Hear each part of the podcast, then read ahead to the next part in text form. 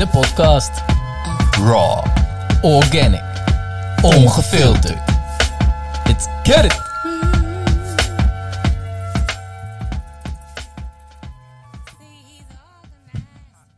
Een hele goede avond. Hallo, hallo. Hey. live, dat is niet live voor mij nou trouwens. Live opgenomen vanuit mijn eigen woonkamer. Deze keer hetzelfde als bij Leon aan de eettafel. Blijft toch, blijft toch leuk man om het ook gewoon in mijn eigen huis te doen. Mhm. Ja, blijft echt tof. Ah. Net boven gemediteerd. As ever. Schwepsmans. Hoe was het? Heel bijzonder natuurlijk. Ehm, twee eh, bijzondere gasten in, eh, in jouw huis inderdaad. En ehm, ik moet zeggen, over eh, twee dagen pak ik het vliegtuig naar eh, Mexico.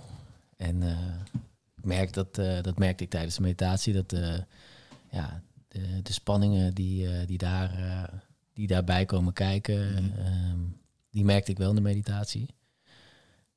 Neem niet weg dat het weer heerlijk was om eventjes tot mezelf te komen. ehm, en in een kamer met, eh, met z'n vieren zo, eh, zo fijn eh, ja, tot jezelf te komen. Dus heel prettig. Hm. Jij? Klinkt goed. Nou, ik heb best wel een lange dag achter de rug. Met Meditation Army hebben we een workshop Reset Je Zenuwstelsel gehad van Essan. Dus dat was van 10 tot 4 gewoon concentreren. Ja, dat merkte ik wel toen ik naar huis fietste. Dus ik dacht al van, nou, ik heb echt wel zin in die meditatie. In de eerste vijf minuten was het, merkte ik gewoon dat mijn hoofd nog eventjes aan het reproduceren was wat er gebeurd. Het was echt mijn rapid eye movement ook als een gek. Dus ik merkte gewoon echt dat eh, ja, ik iets aan het verwerken was. Maar daarna echt eh, in een fijne, ja, warme bedding eh, hier lekker boven gezeten met z'n viertjes. Man, dat was echt, ja, echt, echt prettig. Die. Ja, dit is altijd bijzonder om bewust terug in je lijf te zakken en dan eh, vanuit je hoofd zo langzaam weer thuis te komen in jezelf. En dan eh, voor mij eh, is het heel belangrijk dat al de ancestor en de spirit die in en om me heen zijn, om die in mijn meditatie te bedanken. En dat ze er altijd zijn op het moment dat daar die, dat is uitgesproken, ja, dan is het gewoon zakken in een warm bad van zijn. Waar, ste- waar er steeds meer stilte komt. En eh, de kracht en de luidruchtigheid van de stilte dan eh, oorverdovend Mm. zich aandient. Mooi. Ja, mooi. Ja, want we hebben hier vanavond eh, Henri Delacroix op bezoek. Ehm, welkom, Henri. Dankjewel. Welkom ook Sharon, de vriendin van Henri, die wij ook kennen. Voel je thuis, Goed als Sharon. Als je extra thee wil, de waterkoker is daar. eh, doe helemaal je ding. Welkom, Dankjewel. podcast nummer 12. Ehm, vlak voor mijn reis. Heel fijn dat je op de zondagavond eh, hier op bezoek bent en eh, ja, met ons komt praten over eh, mooie onderwerpen. Ik wil even teruggaan naar onze ontmoeting. Dat was eh, in juli bij eh Avalon School. Bekende naam inmiddels, want eh, we hebben al een podcast opgenomen, ook met Jasper, die daar woont. En ehm, er was een feest aan de gang. Wij waren, Sella en ik waren al een week met de camper op pad. En de afsluiter was in school, een grote woonboerderij waar een geweldig feest was georganiseerd. Summer of Love was het thema, lekker hippie. En ehm, ja, ik, eh, ik eh, had het daar enorm naar mijn zin. En de, er liep daar ook een eh, hele bijzondere verschijning rond. En ik wist vanaf het begin, ik had, ik had al je naam al een keer gehoord. Ik wist vanaf het begin, ja, daar moet ik wel zijn. Alleen, ja, ik was ook nog wel een beetje verlegen.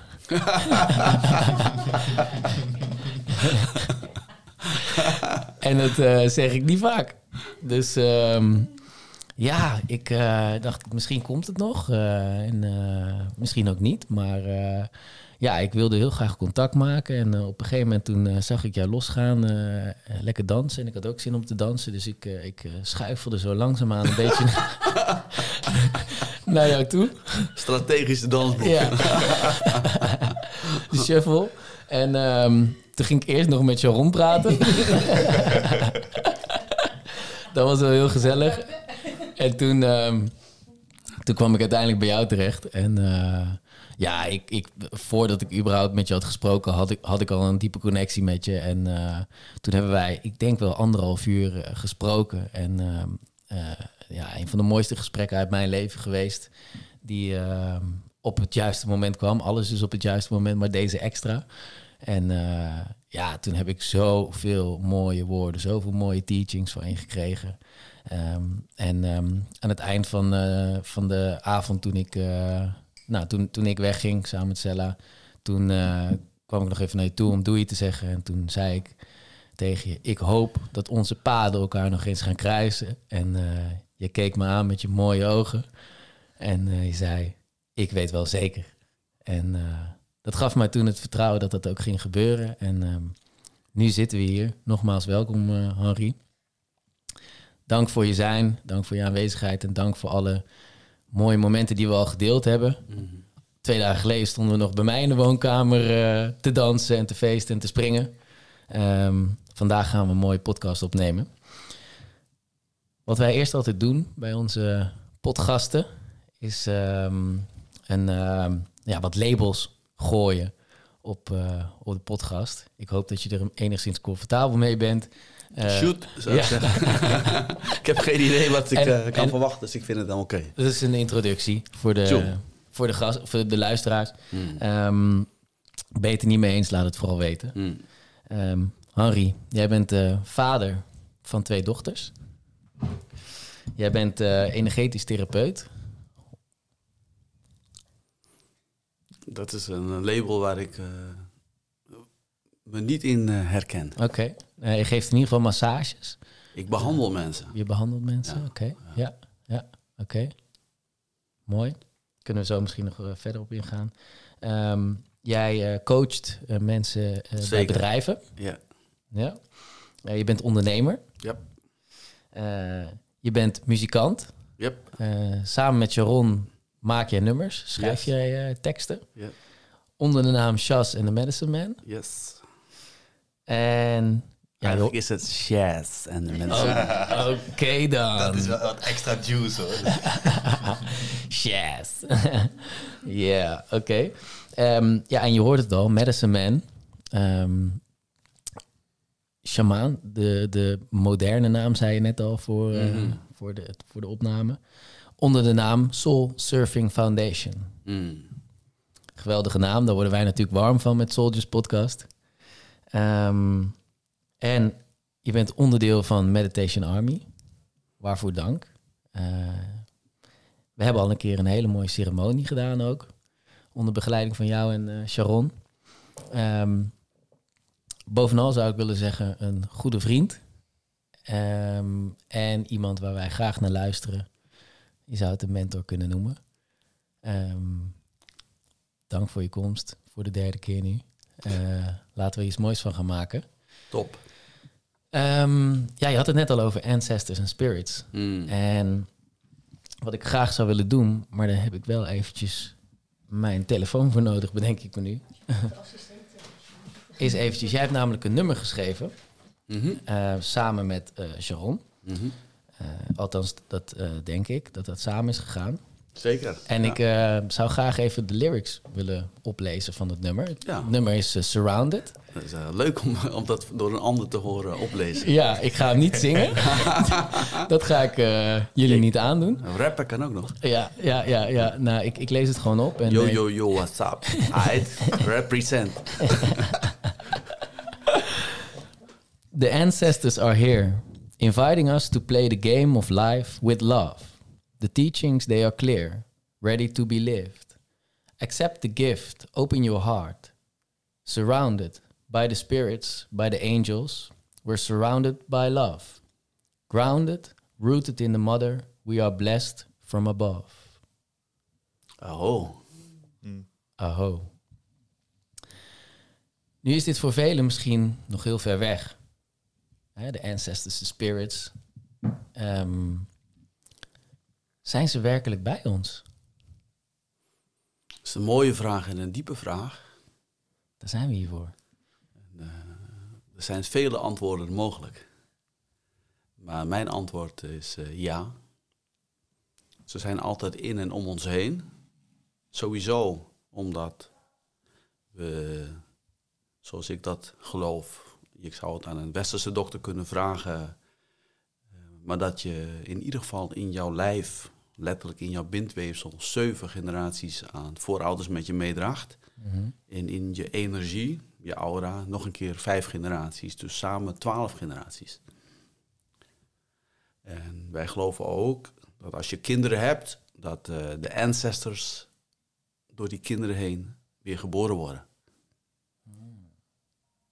En eh, vandaar dat de ancestors altijd eh, bij ons zijn. En dat zijn alleen nog maar de ancestors van biologische oorsprong. En de ancestors waar we het ook over hebben, dat zijn eh, de planten. Als je kijkt naar oude boeken, eh, een van die oude boeken, heilig boeken, is de Bijbel, waar ik even uit eh, citeer. In de beginnen was het woord en het woord was van God en het woord was God. En dat God de aarde in zeven dagen heeft geschapen.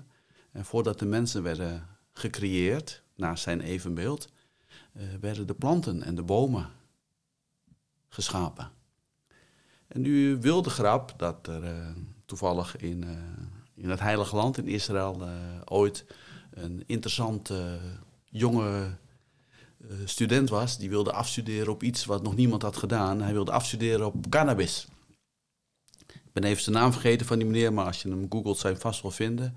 Hij ging eh, via zijn professor, die had contact bij het plaatselijke politiebureau. En daar werd hij naartoe gestuurd om een zak eh, in beslag genomen hashish en cannabis eh, te halen. En daar ging hij op eh, afstuderen. En na heel veel studie kwam hij erachter dat de mens een intern cannabis systeem heeft. Een endocannabinoid systeem.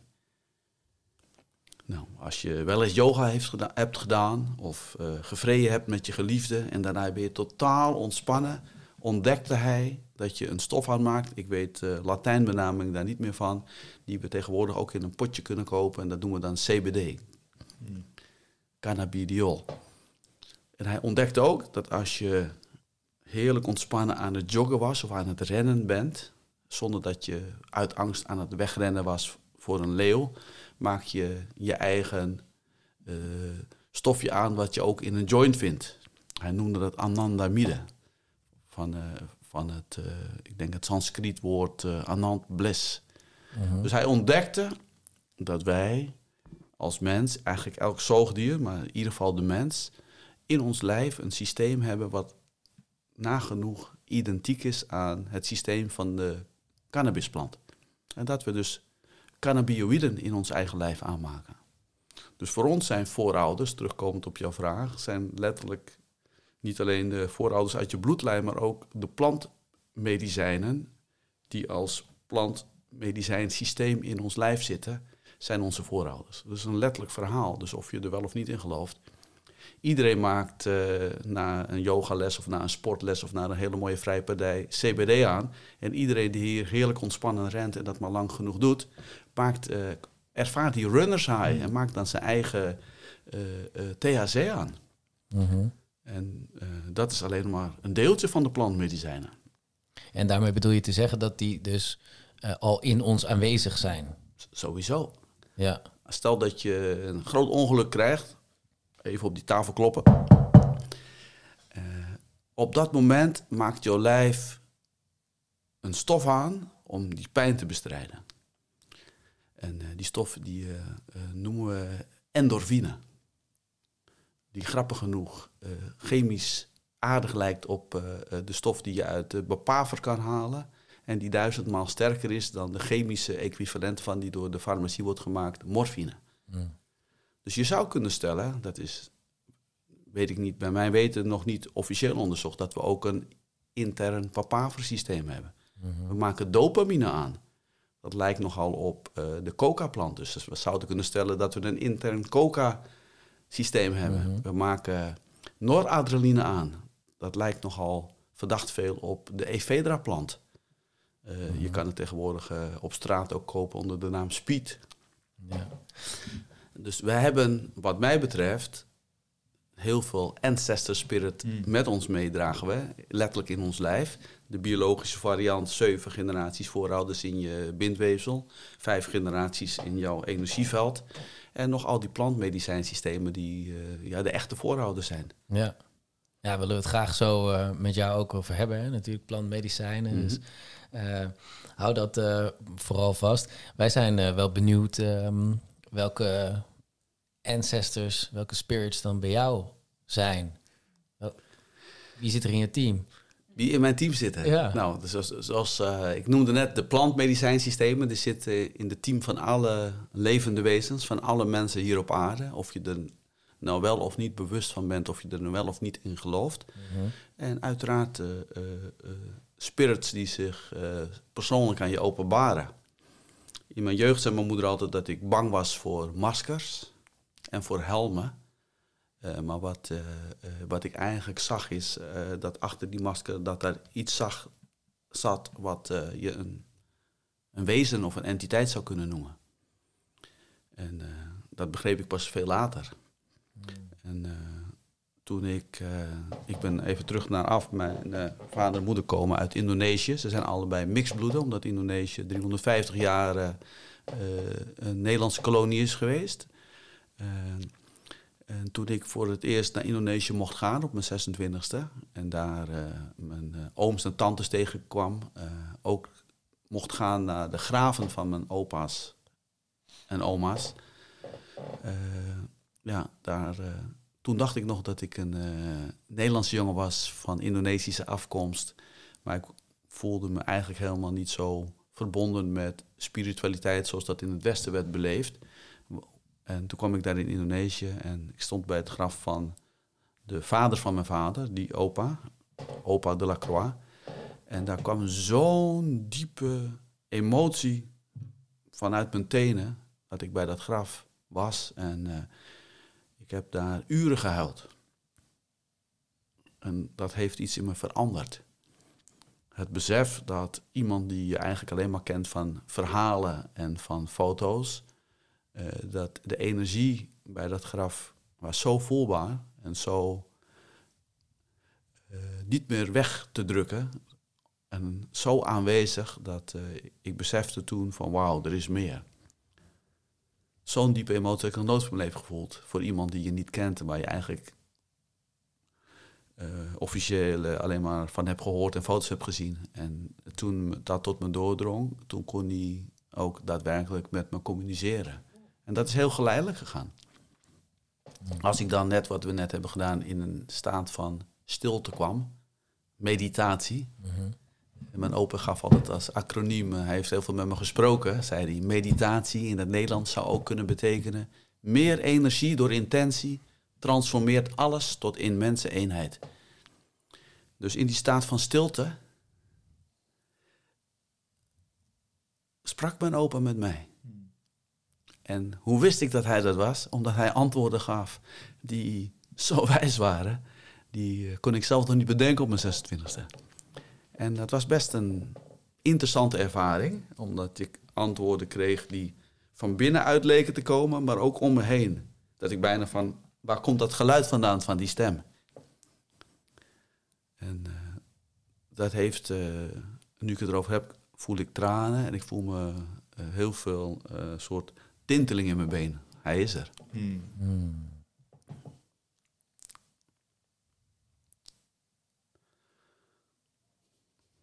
En nu voel ik eh, allemaal tintelingen zo door mijn lijf. En vanaf toen eh, begreep ik dat ik eh, nooit alleen ben geweest, nooit alleen was en nooit alleen zal zijn. En dat altijd diegenen die ons zijn voorgegaan met ons zijn.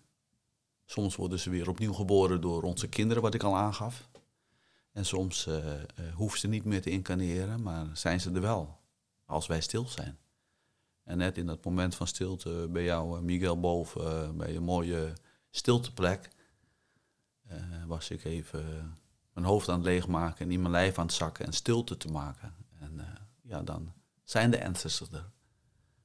En die kan ik voelen in mijn onderbuik. Die kan ik horen door iets wat we noemen innerlijk weten. En soms als ik heel ontspannen ben, kan ik ze ook zien. Door mijn inzicht, mijn derde oog. Die drie samen trouwens, onderbuikgevoel, innerlijk weten en inzicht, noemen we westerse intuïtie. En me open leren al, als je leert voelen en luisteren en kijken, en daar met je verstand naar handelt, dat is wijzer dan welk boek je ook kan raadplegen, welke wijze man je ook vragen kan stellen. Dus als je leert voelen, luisteren en kijken, daarop vertrouwt en daarna handelen, dat klopt altijd, zei hij. Hij zegt, maar het is heel belangrijk dat je het onderscheid maakt tussen intuïtie of tussen emotie, wat zich vermomt als intuïtie. Hmm. En daar kan je alleen maar achter komen door te spelen, door het te ervaren. Hebben jullie het wel eens meegemaakt dat je eh, op een plank komt en je weet inst instantly, hey, voelt goed. En dan zeg je misschien in je hoofd, hey, goede vibe, gezellig. Hmm. Mm. Of heb je wel eens meegemaakt dat je op een plek komt en je, hmm, hier moet ik niet zijn. Mhm. Ja. En voordat je erover na kan denken, weet je het eigenlijk al. Nou, dat is wat eh, wij intuïtie noemen. En in het Westen trainen we dat niet zo, maar dus eigenlijk is het bij iedereen is het er. Op het moment dat je daar steeds meer mee gaat spelen en eh, het gaat trainen door er letterlijk mee te spelen en durven fouten te maken. En dan ga je steeds meer ontdekken wat is daadwerkelijk die diepere laag van wijsheid en waarheid die je kan voelen, kan horen en kan zien. En wat is mijn emotie die gevormd wordt in onze jeugd. 0 tot 7 noemen we de eerste programmeringstijd, 7 tot 14 de tweede, 14 tot 21 jaar de derde programmeringstijd. Dus jouw emotionele blauwdruk wordt dan geprogrammeerd. Dus dat kan best heel sterk zijn, maar op het moment dat je boven die 21 bent, is het spelletje wat is intuïtie en wat is emotie vermomd als intuïtie. En dat brengt je, mij althans, heeft dat me altijd op de juiste plek gebracht. Zoals ik hier vanavond eh, op de juiste plek ben. En, eh, het was grappig en ook wel eh, heel schattig om te horen hoe jij eh, zo schuifelend naar me toe bewoog op dat feest. Op dat moment dat we spraken, ik weet niet of je het nog kan herinneren, toen instantly wist ik, wij zijn familie. En dat bedoel ik, we horen tot dezelfde zielenfamilie. Mm. En vandaar dat ik zei, ja, uiteraard gaan we elkaar nog zien. Want in dat gesprek gaf ik je al teachings. En dat doe ik eigenlijk alleen als ik weet dat het zaadje wat ik dan plant, eh, dat dat eh, voeding krijgt. Want zomaar zaadjes eh, gooien, ja, dat probeer ik, hoe ouder ik word, steeds minder te doen. Mm. En op dat moment wist ik, oké, dit is een interessante jonge man die het verschil zou kunnen maken. Omdat hij vanuit de juiste intentie mensen bij elkaar wil brengen en wijsheid en waarheid zoals hij het ervaart wil delen. En daar maak ik graag, eh, eh, ben ik dankbaar voor en dan eh, doe ik graag mijn, mijn steentje bijdragen om ja, je mijn verhaal en waarheid erover mee te delen, zodat je er wellicht wat mee kan en in jezelf kan herinneren wat voor jou waar is. Wat mijn opa ook altijd zei, hij citeerde veel uit de Bijbel trouwens, onderzoekt alles en behoudt het goede. Dus wil je ontdekken wat voor jou waar is, ja, dan kan je alleen maar ontdekken door het te gaan onderzoeken en te gaan ervaren. En anders blijft het een verhaal van een ander of iets wat je hebt gelezen tegenwoordig of gezien tegenwoordig. Dus eh, dat vond ik heel mooi. En terug naar mijn opa. Daar ontdekte ik eh, voor het eerst dat ancestors levend zijn. En eh, als we stil zijn, kunnen we ze horen, kunnen we ze voelen, kunnen we ze soms zien, in mijn geval. Mm. Je ziet ze ook. Zeker. Ja, als ik heel ontspannen ben, dan eh, komen ze tevoorschijn. Mm. Dus vaak eh, dat moment dat je eh, eh, heel ontspannen bent of nog net niet slaapt. Mm. En als je dan kijkt zonder te kijken, dan zie je ze daar. Maar als je ze echt wil zien, dan zijn ze weer verdwenen. Dus het, het is de kunst om niet je best te doen. Mhm. Als je gaat kijken zonder te kijken, en je best doet zonder je best te doen, dan kun je ze waarnemen. Hmm. Nou, jij geeft eigenlijk al antwoord op eh, een vraag die ik wilde stellen. Van, ja, hoe kunnen mensen nou contact maken dan? Hè? Hoe kunnen, Ja. en je heeft het al gezegd, dus stilte, Ja. eh, heel stil worden, voelen, luisteren, Ja. zien Ja. en ehm, openstaan. ja. Dankjewel voor je mooie woorden ook. eh. Ik zal het nog praktischer maken. Heb je wel eens, ben je wel eens in een kamer geweest en dat je voelde dat er nog iemand in die kamer was. En als je dan omdraaide, stond er ook iemand. Heb je dat wel eens meegemaakt? Mm, Ja, absoluut. ja. Ah. En ben je ook wel eens in een kamer geweest dat je voelde dat er nog iemand was, je draaide om en er was niemand? Ook. Mm. Ah, wie of wat had je dan gevoeld? Ja, Ja. Ik heb het als kind altijd heel sterk gehad. Ik kon niet normaal trappen oplopen. Hmm. Ik was doodsbang dat iemand achter me was. Ik heb altijd omhoog gesprint. Hmm, Altijd. Hmm, Doodsbang dat iets achter me me zou pakken of zo. Heel, eh, hmm. Herkennen veel kinderen, denk ja, ik. Ja. denk ik ook. Onder het bed eh, Ja. kijken. En, eh, ja. Mooi. Ja. Ja, schiep het te binnen. Je had het net over ehm, eh, ancestors hè, en begeleiding. En Mhm. eh, ik heb ehm, ehm, begin dit jaar, in januari, heb ik eh, ge- eigenlijk gevraagd en een intentie gezet dat ik ehm, nou, toch wel lang genoeg alleen heb gedaan. Eh, mijn hele pad eigenlijk heel eigenwijs geweest. En, eh, alles alleen willen doen, weinig willen aannemen van mensen. En ik heb toen eh, bewust gevraagd, ik ben op zoek naar begeleiding. Ik wil graag geguid worden, gegidst worden. Inmiddels kan ik zeggen dat ik een aantal van die begeleiders eh, fysiek eh, aanwezig om me heen heb, in, eh, in de vorm van een mens. Ehm, maar voel ik ook inderdaad dat ik niet alleen ben. eh, ja, en dat ik ook gegidst word en een team heb die mij helpen.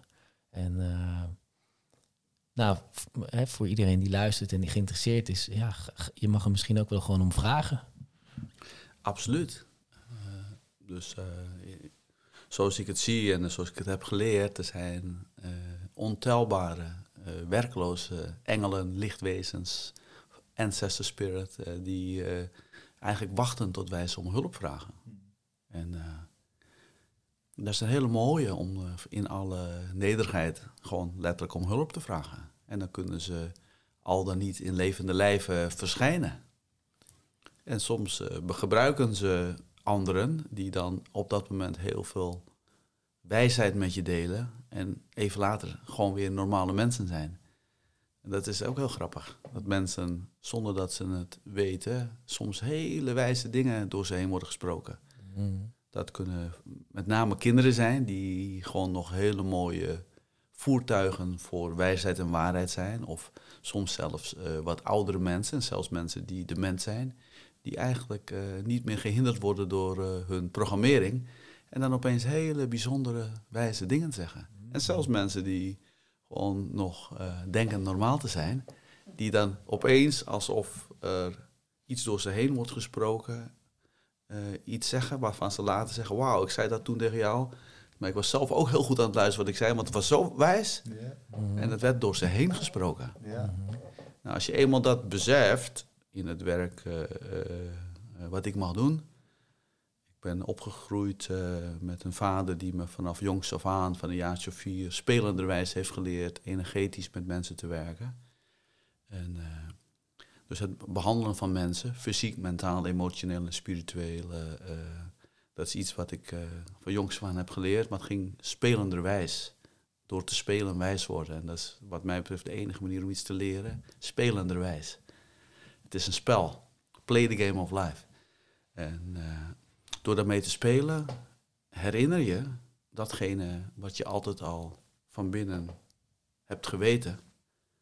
En wat totaal anders is wat je leert op school. Op school, leer je best eh, aardige dingen. Eh, vanuit mijn perspectief eh, is school alleen maar leuk en gezellig omdat je dan andere kinderen ontmoet.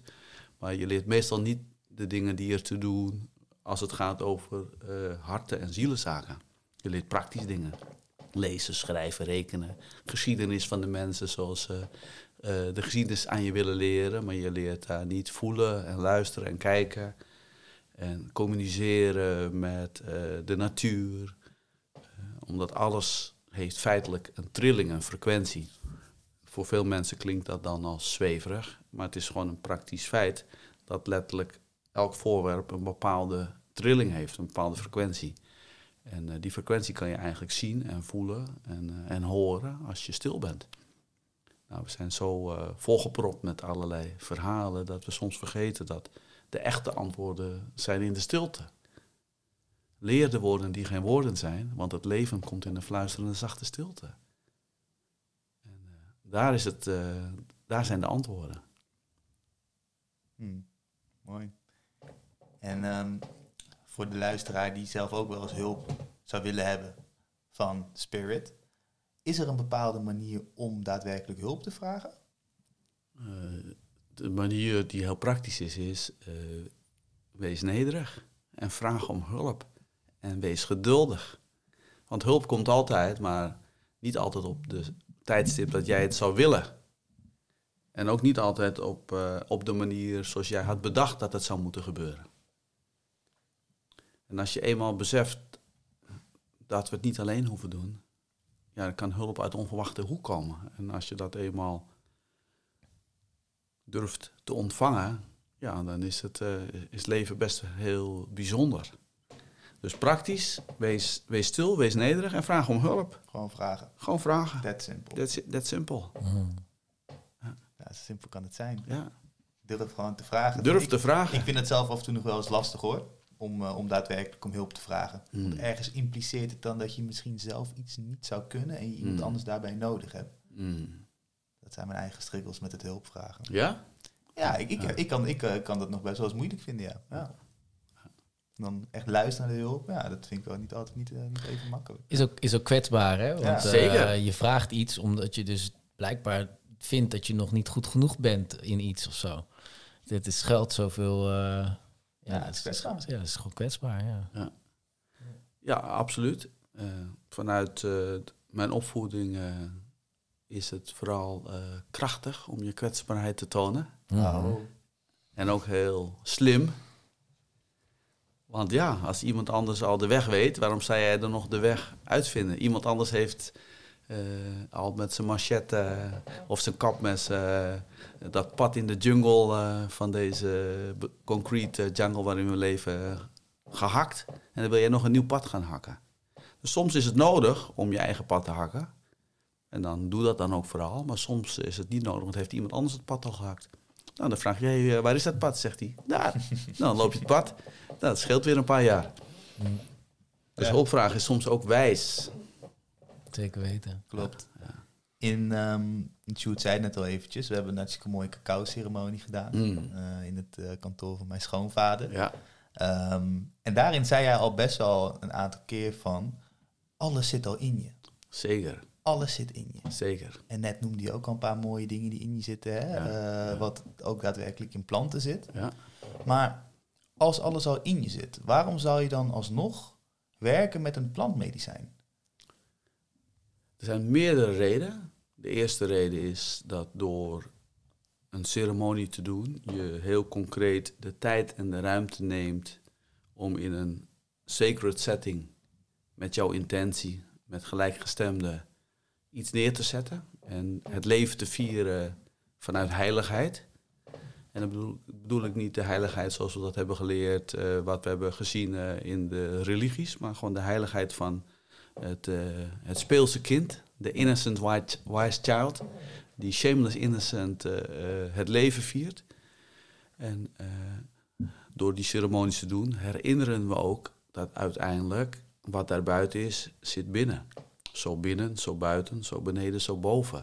En door met plantmedicijn te werken, erkennen wij ook onze eigen heiligheid. En herinneren we dat het enige echte medicijn zijn we zelf. Hmm. En daarin is de setting dus... De setting is heel belangrijk. Dus eh, eh, simpel tabak is medicijn. Als je het op de juiste manier gebruikt. Als je het op een andere manier gebruikt, zou het ook een genotsmiddel kunnen zijn.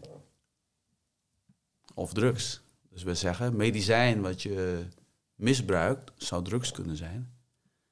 En zelfs drugs wat je op de juiste manier gebruikt, zou medicijn kunnen zijn. Mm. Dat is interessant, hè? Om van te smullen. Ja. Maar het is niet zwart-wit. Het is altijd omdat het leven heeft zoveel lagen en vormen. En zoveel nuances en zoveel kleuren en zoveel smaken. Het zou heel makkelijk zijn als het zwart of wit zou zijn. Maar het is altijd gelaagd. En omdat het de laag is onder de laag, die gelaagd is met lagen die gelaagd zijn, is het altijd heel genuanceerd.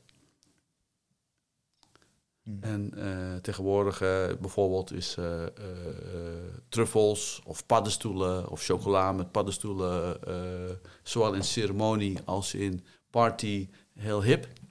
Yep. En medicijn is oneindig wijs. Dus ik kom mensen tegen die repen naar binnen werken op feesten.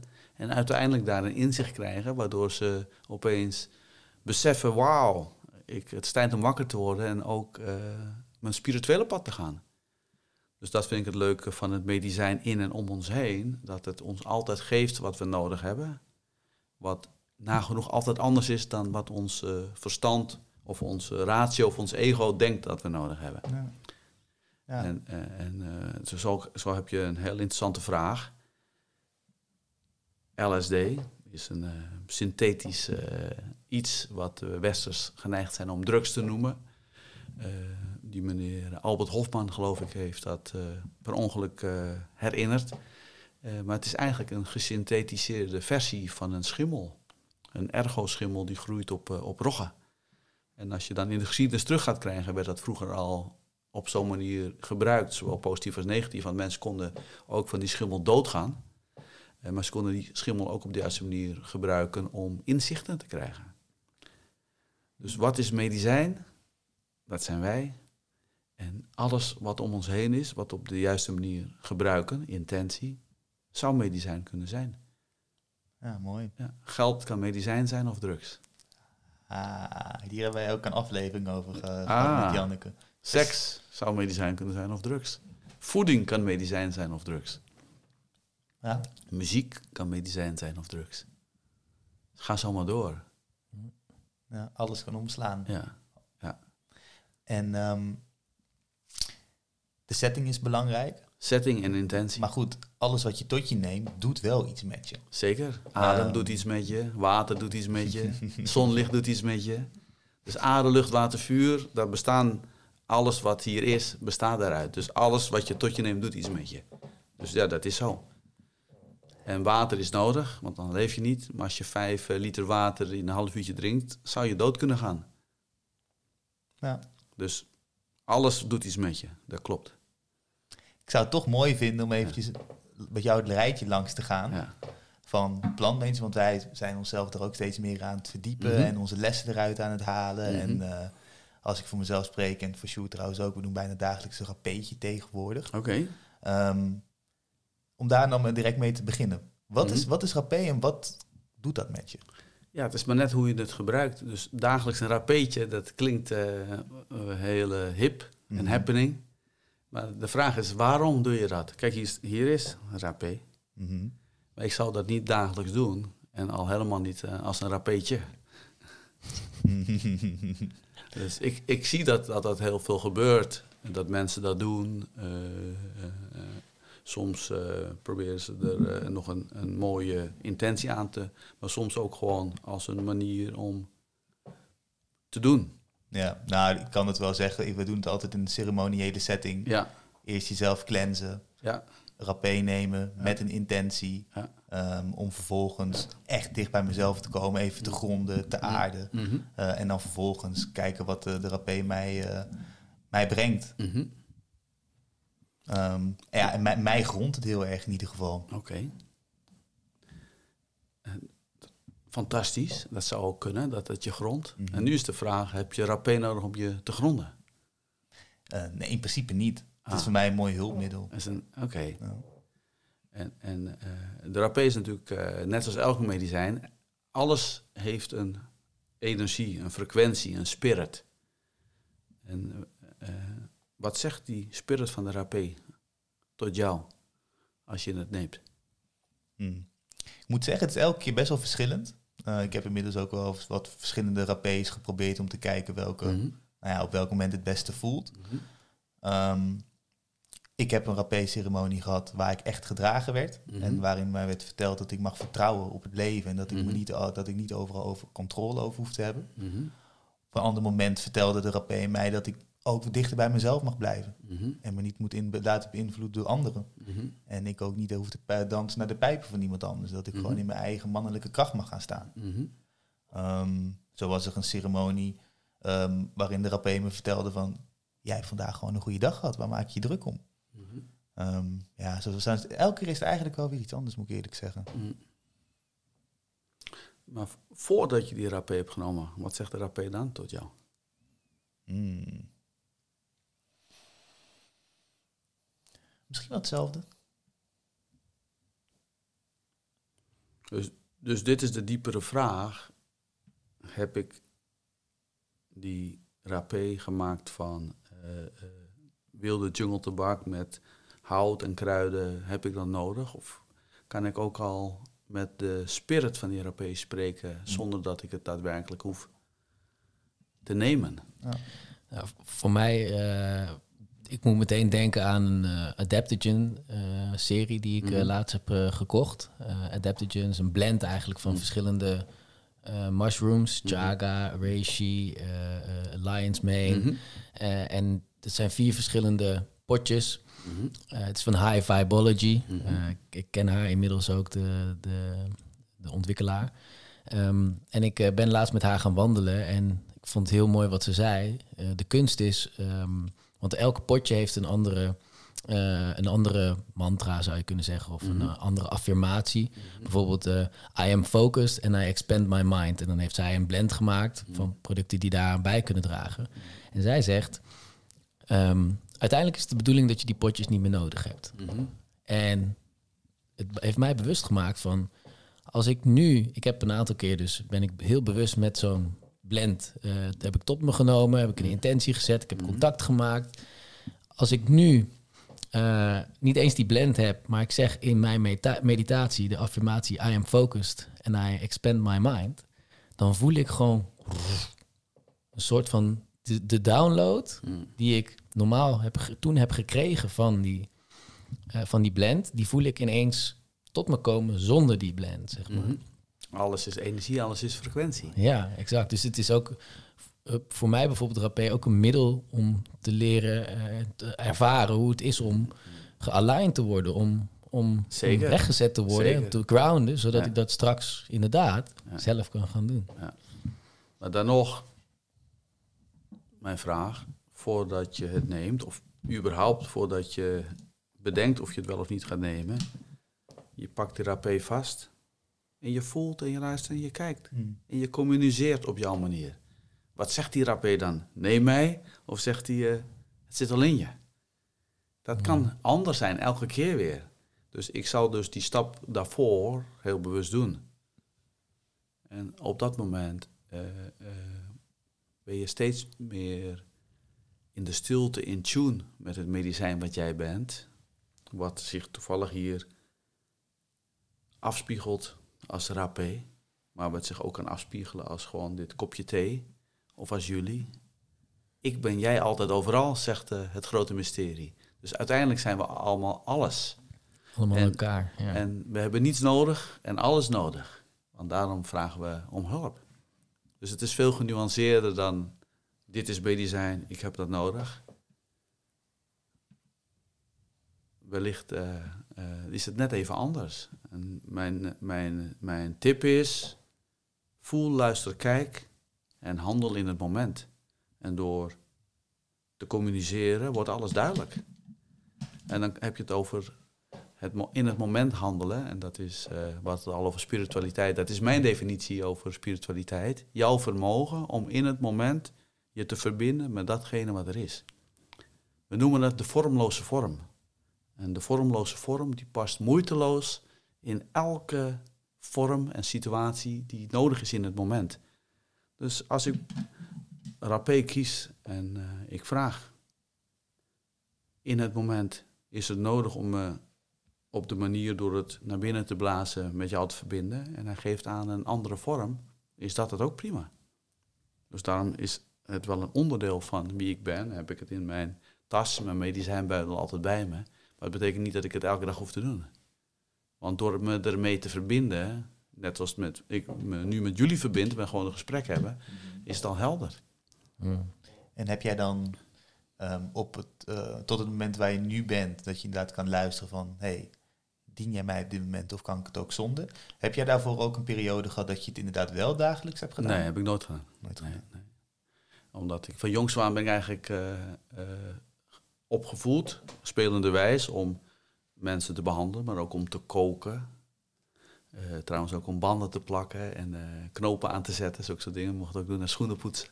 Maar ook om dus te voelen, te luisteren en te kijken. En dat is niet alleen figuurlijk, maar ook letterlijk. Voelen, luisteren, kijken met koken. Dan mocht ik eh, kruiden in zo'n grote vijzel, een oelakan noemen we dat. En dan proeven. Dat, je, hoe voelt die structuur tussen je handen? Hoe ruikt het? Hoe smaakt het? Dus voelen, luisteren en kijken is ook heel letterlijk. En door steeds meer met al je zintuigen te voelen, te luisteren en te kijken, eh, is er ongelooflijk veel mogelijk in communicatie. En eh, ja, de meest wijze, eh, zeg maar, communicatoren zijn planten. Weet je, zo'n hele mooie paddenstoel in een groot gebied met allemaal dennenbomen. Waarbij ze een hele mooie symbiose hebben. Die dennenbomen geven suiker aan de paddenstoel en de paddenstoel geeft eh, een soort antibiotica terug aan de dennenbomen. Dus op het moment dat we voelen, luisteren, kijken en we onszelf zien als één met het geheel, ik ben jij altijd overal, zijn er zoveel dingen waar we mee verbonden zijn. In de, bij de paddenstoelen het mycelium. Wij zijn allemaal verbonden met elkaar. En dan is er zoveel meer wat ons op dat moment input geeft over wat we hebben te doen. Ja, ja mooi. Je, je noemde net al eventjes kort paddenstoelen. Ja. Ehm, je kan je inderdaad beseffen van, hé, hey, we zijn inderdaad één, we zijn één met de paddenstoel. De paddenstoel is weer verbonden met alles van het oerwoud, van het bos. En op die manier kan je jezelf verbonden voelen. Maar als je de paddenstoel neemt, dan wordt het wel een stuk makkelijker om dat te ervaren. Zeker. Want nu, is- nu is de vraag van wanneer neem je iets? Ja. Wanneer neem je iets? Dus eh, vanuit mijn eh, opvoeding, eh, voordat ik bijvoorbeeld vroeger met ayahuasca mocht werken, werd me gevraagd om een half jaar lang alleen maar rijst met groenten te eten. Af en toe een banaantje, af en toe een klein beetje vis. Maar er mocht geen zout bij, geen peper, geen ui, geen knoflook, geen scherpe kruiden. geen alcohol, geen koffie, geen tv, geen seks, ook geen masturbatie. En waarom? Om iets te leren over jezelf. Dus wanneer neem ik iets vanuit een diepe innerlijk weten en wanneer neem ik iets omdat ik iets van leegte wil vullen?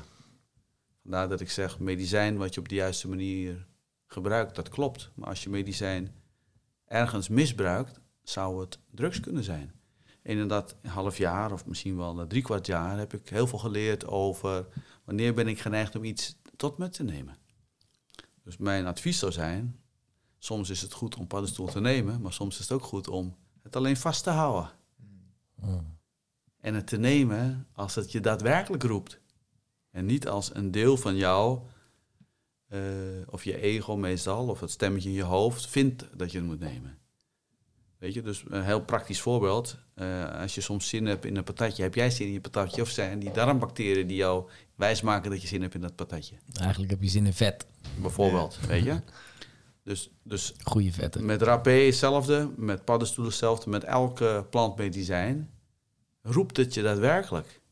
Of is het iets in jou wat je nog als leegte ervaart, wat je hoopt te vullen? Maar als je plantmedicijn gebruikt om iets wat leeg is te vullen, dat is leeg te vullen met leegte. Want de medicijn heeft, eh, die doet precies wat jij uitstraalt. Ja.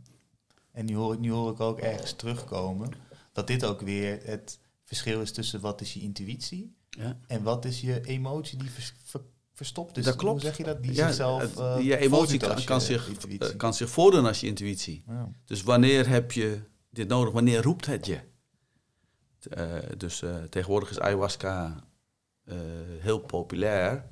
En daardoor wellicht ook eh, door wetgeving in Nederland in ieder geval eh, verboden. Maar dat was vroeger ook al, dat mensen bij me kwamen en dan zeiden ze, ik, ja, ik wil een eh, ayahuasca-ceremonie doen. En dan vroeg ik, oké, heeft het medicijn je geroepen? Dan zeiden ze soms ja, want ik zag het op Instagram of op Facebook. Ik zei, nee, dat bedoel ik niet. Heeft het je geroepen? En dan begrepen ze het niet helemaal. En de roep van het medicijn, en die kan in elke vorm kopen, komen, de vormloze vorm die zich moeiteloos aanpast aan de vorm die nodig is in het moment. Dat kan een tantrisch medicijn zijn, of het zingen van mantra, of plantmedicijn, of een wandeling naar Santiago, of gewoon eenvoudigweg in de stilte zijn, of eh, eh, een vision quest. Dat is iets wat je op een heel subtiel manier en niveau kan voelen. Je hoort het en je ziet het. Maar daarvoor heb- is het nodig dat je stil bent. Dus wanneer roept het medicijn je echt? En wanneer zegt je ego, nou, eh, ik ga een rapeetje. Mhm. Dat is een diep stuk. Dus Ja. even een ceremonie doen bestaat niet. Dus het altijd heeft te maken met de roep. En het is ook heel goed om, eh, eh, zeg maar, dat op zo'n manier ook te communiceren. Als je je geroepen voelt, kom dan. Ja, ja mooi. Ja. Ehm, nu zijn wij wel ehm, ja, wat, wat meer eh, die wereld aan het ontdekken van de Mhm. plantmedicijnen. Maar er zijn ook nog heel veel mensen van onze leeftijd die Mhm. nog heel veel synthetische drugs gebruiken. Mhm. Wat zou je tegen hen zeggen? Voel, luister en kijk. Eh, het is eigenlijk hetzelfde. Ja, Dus eh, weet je, tuurlijk. ik ben ook jong geweest en was je een jaartje of 16, zei ja, we gaan stappen. En dan ging je naar de kroeg en dan ging je heel veel bier drinken. Nou, fantastisch. Op een gegeven moment heb je dat gedaan. En op een gegeven moment denk je, nou, dat wil ik nog wel doen. Maar misschien eh, één keer in de maand of eh, één keer per jaar. Maar ik heb behoefte aan iets anders wat ook daadwerkelijk iets brengt. Behalve een lege portemonnee en, eh, en hoofdpijn. Dus ik ben niet voor of tegen drugs. Ik heb het alleen zelf niet gebruikt in die aard. Dus de vraag die je zelf kan stellen, voel, luister en kijk. En als je op dat moment drie keer een groen licht krijgt, wa- waarom niet?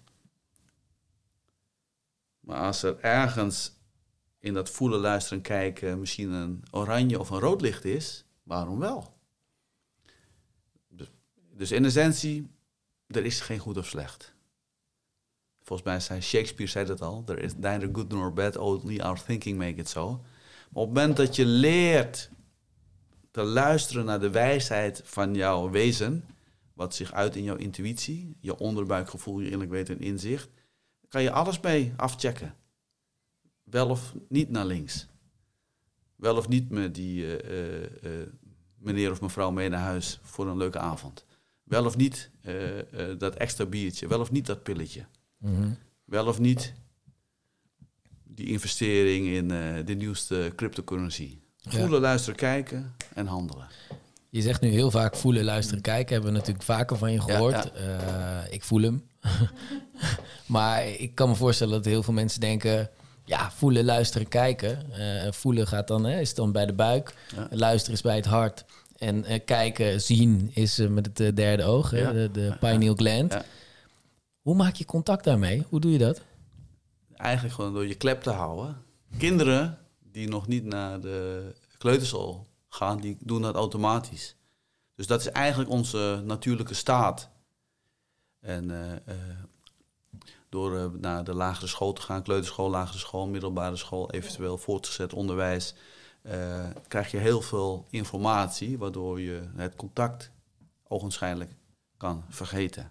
Ja. En de eerste stap is eigenlijk weer herinneren. Een, een manier om te herinneren is meditatie. En de Boeddha zei, er zijn 84.000 manieren om te mediteren. Maar, om jullie niet in verwarring te brengen, zal ik jullie de drie basismanieren helpen herinneren. En de eerste manier, zei hij, is herinner hoe het is om te ademen als een baby. Dat is geen techniek, gewoon herinneren. En als je in de stilte herinnert hoe het is om te ademen als een baby. En je neemt waar door te voelen dat jouw lijf met al haar wijsheid, intelligentie en schoonheid helemaal vanzelf in en uitademt, dan merk je dat hij uiteindelijk steeds langzamer, steeds regelmatiger en steeds dieper gaat ademen. En wat zei de Boeddha erover? Herinner je hoe het is om te ademen als een baby, want elke baby die ademt als een goed getrainde, verlichte grootmeester. Daar hoeft hij niets voor te doen. Dat is zijn of haar natuurlijke staat. Natuurlijk, door in de natuur te zijn, dat is een mooi, is een mooi bruggetje, dan herinner je je innerlijke natuur. En eigenlijk is het dus veel dichter bij ons dan we vermoeden. En het is fantastisch dat er een ongelooflijk scala aan allerlei workshops, trainingen, cursussen, uh, uh, retraites zijn. Maar ga maar eens in de stilte herinneren hoe het is om te ademen als een baby. En alleen al dat geeft een hele diepe ingang naar het voelen. En de tweede meditatie, wat hij zei, herinner hoe het is om te kijken als een kind.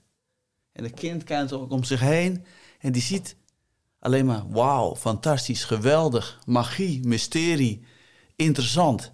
Dus op het moment dat je kijkt als een kind, en dan zie je dat alles fantastisch is.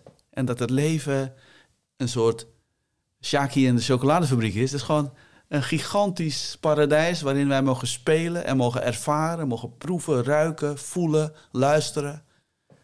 En alleen nog wat we hoeven te doen is herinneren hoe het is om te ademen als een baby en te kijken als een kind en zien dat alles fantastisch is en dat iedereen fantastisch is. Dat is de tweede meditatie. En de derde meditatie is herinneren hoe het is om te denken als een kind. En hoe denkt een kind? Heel functioneel. Mama, ik heb honger, zegt hij. En dan noemt hij dat en dan krijgt hij een broodje of whatever. Mama, ik heb dorst, krijgt hij een glas water. Mama, ik ben moe, gaat hij slapen. Dat noemen we functionele gedachten. Kinderen hebben functionele gedachten, kijk maar naar ze. Daarnaast hebben ze opbouwende, bekrachtigende gedachten en inspirerende, creërende gedachten. Bezielde, scheppende gedachten noemen we dat. Dus heel simpel, als ik adem als een baby, kijk als een kind en denk als een kind, is alles wat ik doe, is een meditatie geworden. En moeder noemde ook het zitten op een kussen of het liggen met wat hier ook en tingeltangelmuziek noemde hij passieve meditatie. Dat is fantastisch, maar hij noemde dat het oefenen van meditatie. Maar ademen als een baby, kijken als een kind en denken als een kind, omdat we nou eenmaal altijd ademen, kijken en denken als we wakker zijn, dat noemde hij leven. Dus hoe kan je weer voelen, luisteren, kijken? Eenvoudigweg door te leven en weer te herinneren hoe het is om te ademen als een baby.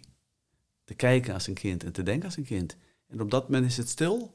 In de topsport, uh, ik heb van jullie gehoord dat je wat met voetbal hebben gedaan, dan ben je niet heel hard aan het denken. Op een gegeven moment ga je voorbij dat. En dat niveau, dat doen we flow of zone. Dat is eigenlijk die staat die je ook meditatie zou kunnen noemen. Alleen maar noemen dat actie-meditatie. Actie, actief creëren, toekomstgericht innerlijk evolueren. En dan meditatie, meer energie door intentie, transformeert alles tot immense eenheid. Voelen, luisteren, kijken. It's easy. Je hoeft het niet te leren, je hoeft alleen maar te herinneren. En hoe meer je ermee speelt, word je spelender wijs. En kan je naar je eigen wijsheid luisteren. Mooi. Spelende wijs, die pakken ook. Ja. Ik moet dan denken aan uh, Louise. Mhm. Die uh, vertelde mij een mooie anekdote. Mhm. Die uh, is ook een podcast gast. Mm. Twee afleveringen geleden met een mooie podcast mee opgenomen. Mhm. we hadden het over jou. Mhm. En ze vertelde dat de eerste keer dat ze jou zag, um, nou, dat is ook dan wel, wie is dat? En wauw, wat een verschijning. En nou, op een gegeven moment kwam het daar, de ontmoeting. En um, toen vroeg jij aan, aan haar, um, so what are you doing here? Dus ze, I'm here to raise awareness, zei ze tegen jou. En toen zei zij natuurlijk van, and what are you doing here? En dat je haar aankeek en zei, I'm here to play. ja, geweldig. Ja. Zeker. Dus ik heb het al genoemd, maar het is heel belangrijk uh, om dat te herhalen. Herhalingen zijn nodig zodat we herinneren. Are we willing to live a life in ceremony and prayer while playing and having fun? Dus als ceremonie heel serieus is geworden, dat is uh, misschien uh, leuk, maar het is nooit de bedoeling geweest zoals ik het zie. Voor mij is ceremonie ook playful. Mm. Dus seriously playing of playing serious is quite uh, different, right? Ja. ja. Dus maar net wat je wil. Ja. Ik kies voor seriously playing. Ja. Ja. ja, heel mooi. Ik denk ook ehm, mooi waar we het ook nog over willen hebben. Mooi bruggetje daar naartoe. Uh, jij bent onderdeel van Meditation Army, onze tribe. Mm -hmm. Um, en um, ja, daarmee maken we spiritualiteit en persoonlijke ontwikkeling toegankelijker voor iedereen. Mm. En de leden van onze tribe noemen wij soldiers. En Mm. daar is ook de podcast uit ontstaan. Daar hebben we het net even over gehad. Voor ons zijn soldiers um, mensen die alle kanten van hunzelf aandurven te kijken. De weg naar binnen Ja. bewandelen en durf gewoon te kijken. Uh, licht en donker. Mm. Uh, dus ook de pijnlijke stukken, ook de Mm. onzekerheden, Mm. ook de dingen die je liever niet wilt zien.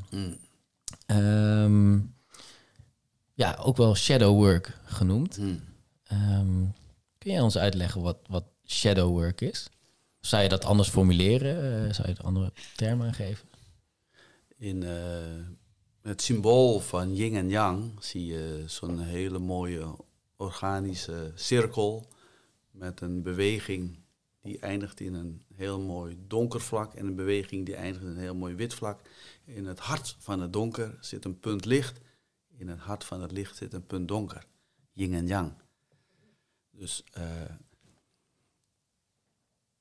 zoals ik het voel en zie, uh, is het fantastisch om als hooggevoelige wezens van licht je met lichte dingen en lichte mensen en lichte gedachten en lichte gevoelens te omgeven. Maar soms is de snelweg naar het licht door het donker heen. Ja. En ik werk met het medicijnwiel, aarde, vuur, water, lucht. De krijger, de heler, de leraar, de medicijnman, de medicijnvrouw en dan in het midden de leider. En vanuit de oude teachings wordt er gezegd, als je het spirituele pad gaat, het pad eigenlijk van de medicijnvrouw of de medicijnman heler, voordat je dat pad gaat, is het nodig eerst het pad van de krijger te gaan. Waarom? Heel simpel, want anders eten je demonen je op en je hebt het niet door. Dus vanuit de teachings word je aangemoedigd van jongs af aan vrienden te worden met je demonen. Want de teaching zegt, als je vecht met je demonen, dan vermenigvuldigen ze zich met ontelbare. Is dat een handige strategie? Denk het niet. Nee. Als je ervoor wegrent, dan rennen ze altijd eerder naar de plek naar waar jij naartoe rent, of ze bijten je in je nek, want je kijkt niet achterom. Als je wegrent. En als je ze negeert, dan zullen ze je net zo lang plagen en treiteren totdat je gillend gek werd, wordt. Dus het is een hele goede strategie om vrienden te worden met je demonen. Ze recht in de ogen te kijken, op de bank te gaan zitten en zeggen: Yo, yo, what's up? Theetje te drinken, vertel eens. Letterlijk je angsten omarmen. Dus daarom dat we heel veel ceremonies doen waarbij je daarmee geconfronteerd wordt. Denk aan een, een aardeceremonie waarbij een grote kuilgraaf erin gaat liggen en je wordt begraven. Of een vuurceremonie waarbij je over vuur kan lopen. Of een waterceremonie, tegenwoordig uh, kom je dat tegen met de ijsbaden van Wim Hof. Of een luchtceremonie. En dat is een hele diepe, en die kom je nog tegen in de, in de traditie van de Shaolin-tempel, waarbij je letterlijk uh, je hoofd in een, uh, in een strop hangt en gaat hangen. Mm. Of een luchtceremonie kan ook zijn, zeg maar, op het zachtste punt van jouw keel, waar je zo met je vinger in kan douwen. Een moderne variant kan zijn om een botonstaf staf daarmee krom te buigen. Waarbij je dus leert aarde, vuur, water, lucht in jezelf. En een nog simpelere ervaring van aarde, vuur, water, lucht is een, een zweethut. Een sweat lodge. De Lakota noemen een inipi en in uh, midden Zuid-Amerika noemen ze temascal. Waarbij aarde, vuur, water, lucht samenkomt in een mooie wilgetakken hut die afgedekt is met dekens. En uh, In sommige tradities kan die hut zo heet zijn dat je op dat moment kan denken, omdat je dat ook voelt en gelooft, dat het zo heet is dat je gaat verbranden. Nou, dat is een hele eenvoudige manier om te leren, zolang je in je hart blijft en je kiest om aanwezig te zijn, being present and holding space, en je kiest om te blijven ademen, dat er eigenlijk niet zoveel aan de hand is, behalve dat je pijn ervaart. Ik heb een vriend, hij woont in New York, hij komt uit China, is een, uh, een, een monnik van de Shaolin-tempel, Shifu Xiangming. En hij zegt altijd, when there is pain, grab it. Look it in the eyes. Put it in your mouth. Chew on it. Enjoy it. Swallow it. Easy. Met andere woorden, het leven is zo mooi en pijn is een deel van het leven. En ieder mens krijgt zijn of haar portie daarvan. Omdat je nou allemaal dingen meemaakt. Je wordt niet uitgenodigd voor een verjaardagfeestje. Je lievelingskonijn die overlijdt. Nou, ga zo maar door. dat zijn kleine pijntjes. Maar dus later, uh, misschien uh, raakt je relatie over... of iemand waar je van houdt overlijdt. Dat gebeurt. Ja, of trauma's. Of trauma's. uit je jeugd. Of, ja, ja, maar de trauma's uit je jeugd is een heel diep verhaal. Bestaan die echt of is dat een verhaal wat je nog herinnert? Ja, dat is een mooie vraag. Ja, dat is een diepe vraag. Je kan het wel ervaren alsof het bestaat. Maar bestaat het echt of is het het verhaal waar je het nog vasthoudt? Soms hou je het onbewust vast in je bindweefsel. En soms hou je het bewust vast. Maar one way or the other... We hebben allemaal nodig dat we als soldier, als warrior... zeg maar, onze demonen omarmen. Praktisch gewoon die dingen die ons nog pijn doen. Die dingen waar we bang voor, zijn. Die dingen die we het liefst willen verdoven of uit de weg gaan.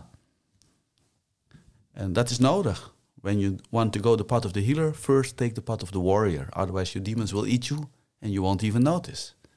Zo, ik zou zeggen, word vrienden met uh, je grootste angst. Word vrienden met datgene waar je bang voor bent. Drink er een theetje mee en je zal merken dat het al een hele andere lading krijgt. Met, met, met wie drink jij tegenwoordig nog een theetje? Met Sharon. en met jullie. Geen demonen meer. Het is de laag onder de laag die gelaagd is met lagen die gelaagd zijn. Vandaag ga ik naar bed wellicht als een, als een meester. Morgen word ik gewoon weer geboren als een beginner.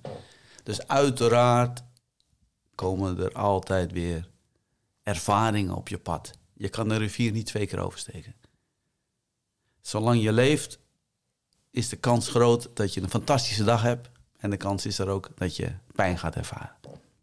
Waarom? Dat is nou eenmaal onderdeel van het leven. Maar alle kleuren van het leven zijn fantastisch. Alle jaargetijden zijn fantastisch. Alle ervaringen zijn fantastisch. Alle smaken zijn fantastisch. Alle emoties zijn fantastisch. En hoe meer je van al die kleuren, smaken, jaargetijden, emoties, ervaringen, al die verschillende facetten en nuances en lagen kan ervaren, hoe rijker je leven wordt. Dus ja, wat zich aandient, dient zich aan. Ja. Ja, nu zullen veel mensen denken, en dat denk ik ook nog steeds wel eens, van ja, uh, ik weet wel dat er daar ergens iets uh, pijnlijks zit of iets onzekers. Of uh, ik heb toch niet zoveel zin om daarmee aan de slag te gaan. Uiteraard. Ja. Uiteraard. Wat krijg je er voor terug? Want je zei al, soms is de snelste weg naar verlichting de plek voor de donkere. De plek door het donkere. Nee, snelste weg naar verlichting door het donker heen. Ja. De snelste weg naar het licht is uh, richting het donker. Ja. Maar daar zit dat punt van licht in het hart van het donker, in de yin en yang. Ja. Dus stel je vraag nog een keer. Wat krijg je ervoor terug als je de, dat dus wel doet, als je die kanten gaat aankijken? Kijk, je kan wat mij betreft heel bewust kiezen. Ik ga werken aan die dingen die ik nog niet wilde aankijken, maar nu kies ik ervoor om het wel aan te kijken. En het leven is zo wijs in al haar schoonheid, dat als je kiest om het niet aan te kijken, het toch op je pad komt. Maar meestal gebeurt er dan iets in je leven wat we een crisis zouden kunnen noemen. Op een gegeven moment. Op een gegeven moment. Ja. En die komen altijd. En uh, dat is het mooie. Dus ook al wil je niet, als je het niet aangaat, komt er altijd iets in je leven waardoor je opnieuw wordt uitgenodigd om het aan te kijken. Ja, ja. herkenbaar. Ja. Thanks. En dat vind ik heel mooi. En eh, omdat we in een tijd van versnelling zitten, zie ik ook dat die momenten van crisis, grappig genoeg, steeds eerder in je leven komen. Mm. Jaren geleden, toen eh, waren ze zo eh, 38 tegen de 40 dat ze die crisis hadden. Of een burn-out, of een scheiding, of een, eh, wat, of een identiteitscrisis. Ik heb mijn hele leven voor mijn kinderen gezorgd, maar nu weet ik niet meer wie ik ben. Nou, zulke soort dingen. En dan kom je, wauw, ik heb een eh, gezin, ik heb een relatie, ik heb een baan. eh, alles klopt, maar toch voelt het niet helemaal alsof het klopt. Nou, dat, dat was 20, 30 jaar geleden gebeurde dat. dat ik kom nu eh, mensen van jullie leeftijd en zelfs nog jonger tegen die al die vraag stellen. En eigenlijk niet gaan wachten op de crisis, maar zich vragen, afvragen, hoe zit het nou eigenlijk? Waarom ben ik eigenlijk geboren? Wat is de reden van mijn bestaan? Wat is mijn zielendroom? Hoe ziet mijn purpose en bestemming eruit? En dat is heel bijzonder, want dat zegt de oude teachings. Mankind without a dream is mankind without a purpose. Mankind without a purpose is mankind without a destiny. Mankind without a destiny is like a soul without spirit. And a soul without spirit feels lost. Sometimes without even realizing it. Dat is een hele oude teaching. Dus vandaag de dag worden we gevraagd, uitgenodigd, herinnerd. Als je heel stil bent, kan je de roep van je ziel horen. Wat is jouw zielendroom? Yo, yo, yo, what's up? It represent. Wat is de reden dat jij bent geboren? Hoe kan jij jouw purpose en bestemming herinneren? Hoe kan jij een ziel zijn met spirit? Dus met passie, bezieling en enthousiasme. Met inspiratie. Die alleen maar dingen doet waar je hart blij van wordt. En je een saltootje van wil maken. Mooi. Ik zou nu wel een saltootje willen maken. Yes! That's what we do. Yes. En Ja. de getallen van mensen die worden uitgenodigd worden steeds groter. Dus dat zijn de mensen bijvoorbeeld die in een burn-out terechtkomen, of overspannen zijn, of depressieve gevoelens ervaren, of een andere uitnodiging van het leven krijgen om naar binnen te gaan. Ja. En het leven is heel wijs, dus we krijgen die uitnodiging allemaal. Alleen aan ons of we luisteren. De Bijbel eh, zegt, ik citeer gewoon weer even mijn vader en, eh, en mijn opa. Soms zijn ze horende doof en ziende blind. Dus soms is de uitnodiging zo duidelijk, zo luid en duidelijk en crystal clear, maar toch horen we het niet en zien we het niet. We zijn occupied hier al, in ons hoofd. Dus vandaar stilte.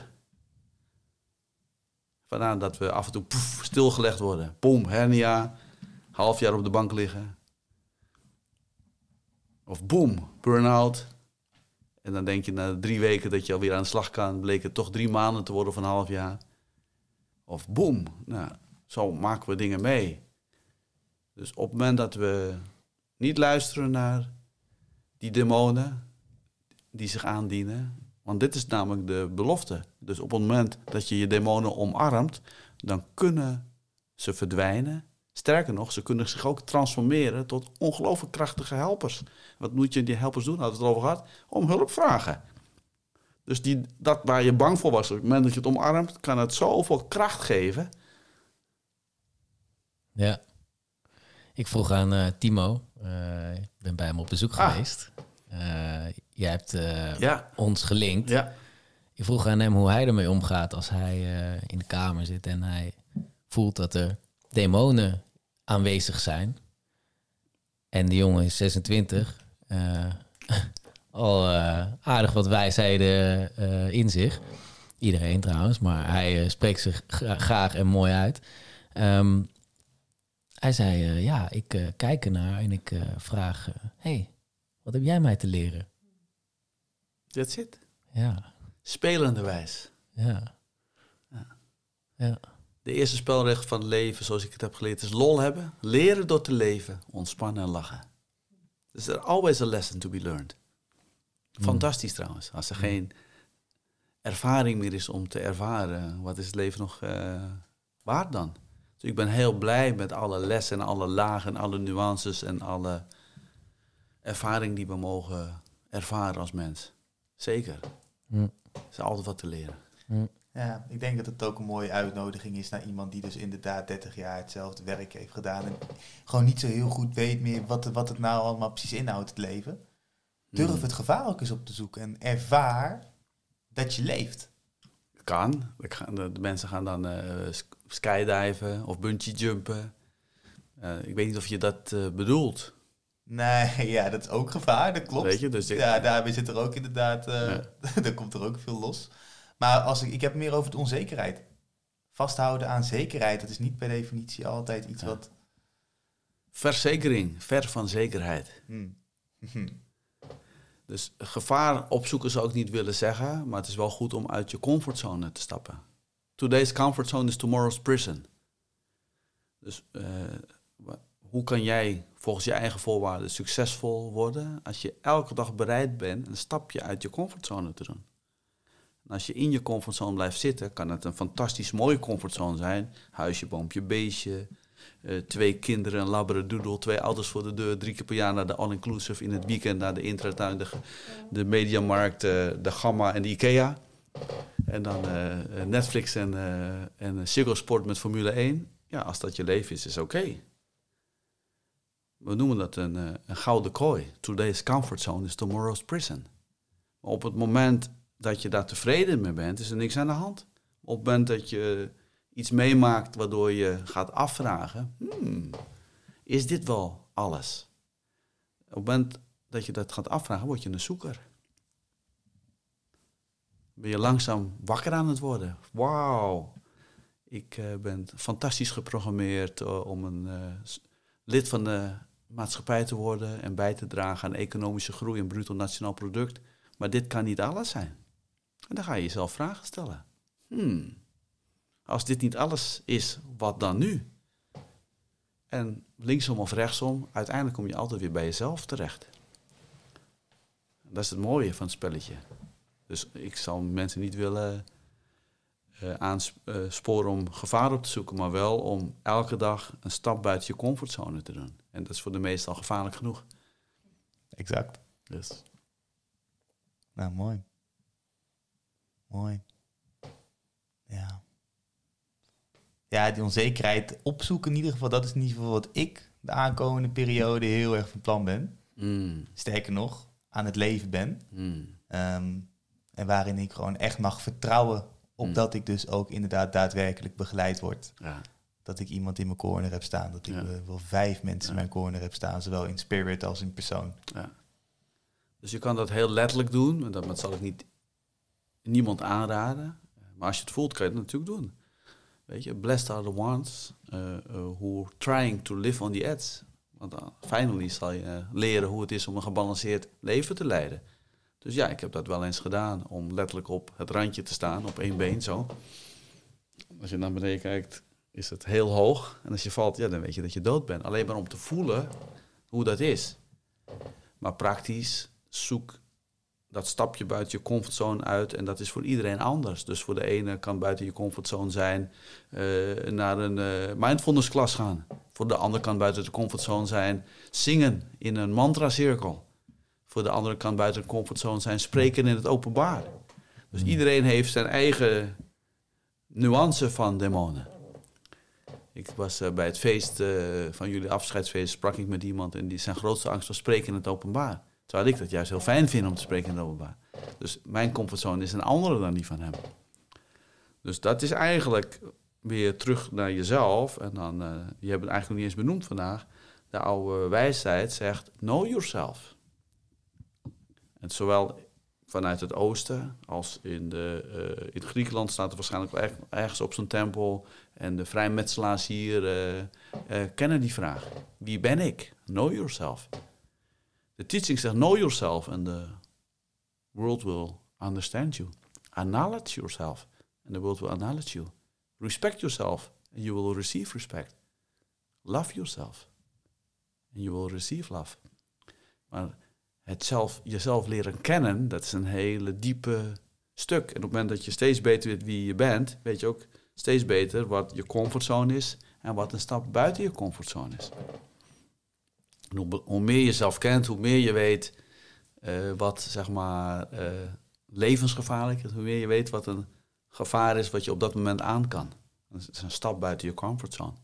En waarom zijn stappen buiten je comfortzone zo belangrijk? Nou, als je elke dag doet wat je kan doen en wil doen en weet wat het in je vermogen is en een klein stapje meer, dan ben je over een jaar dan ben je 365 stapjes gegroeid.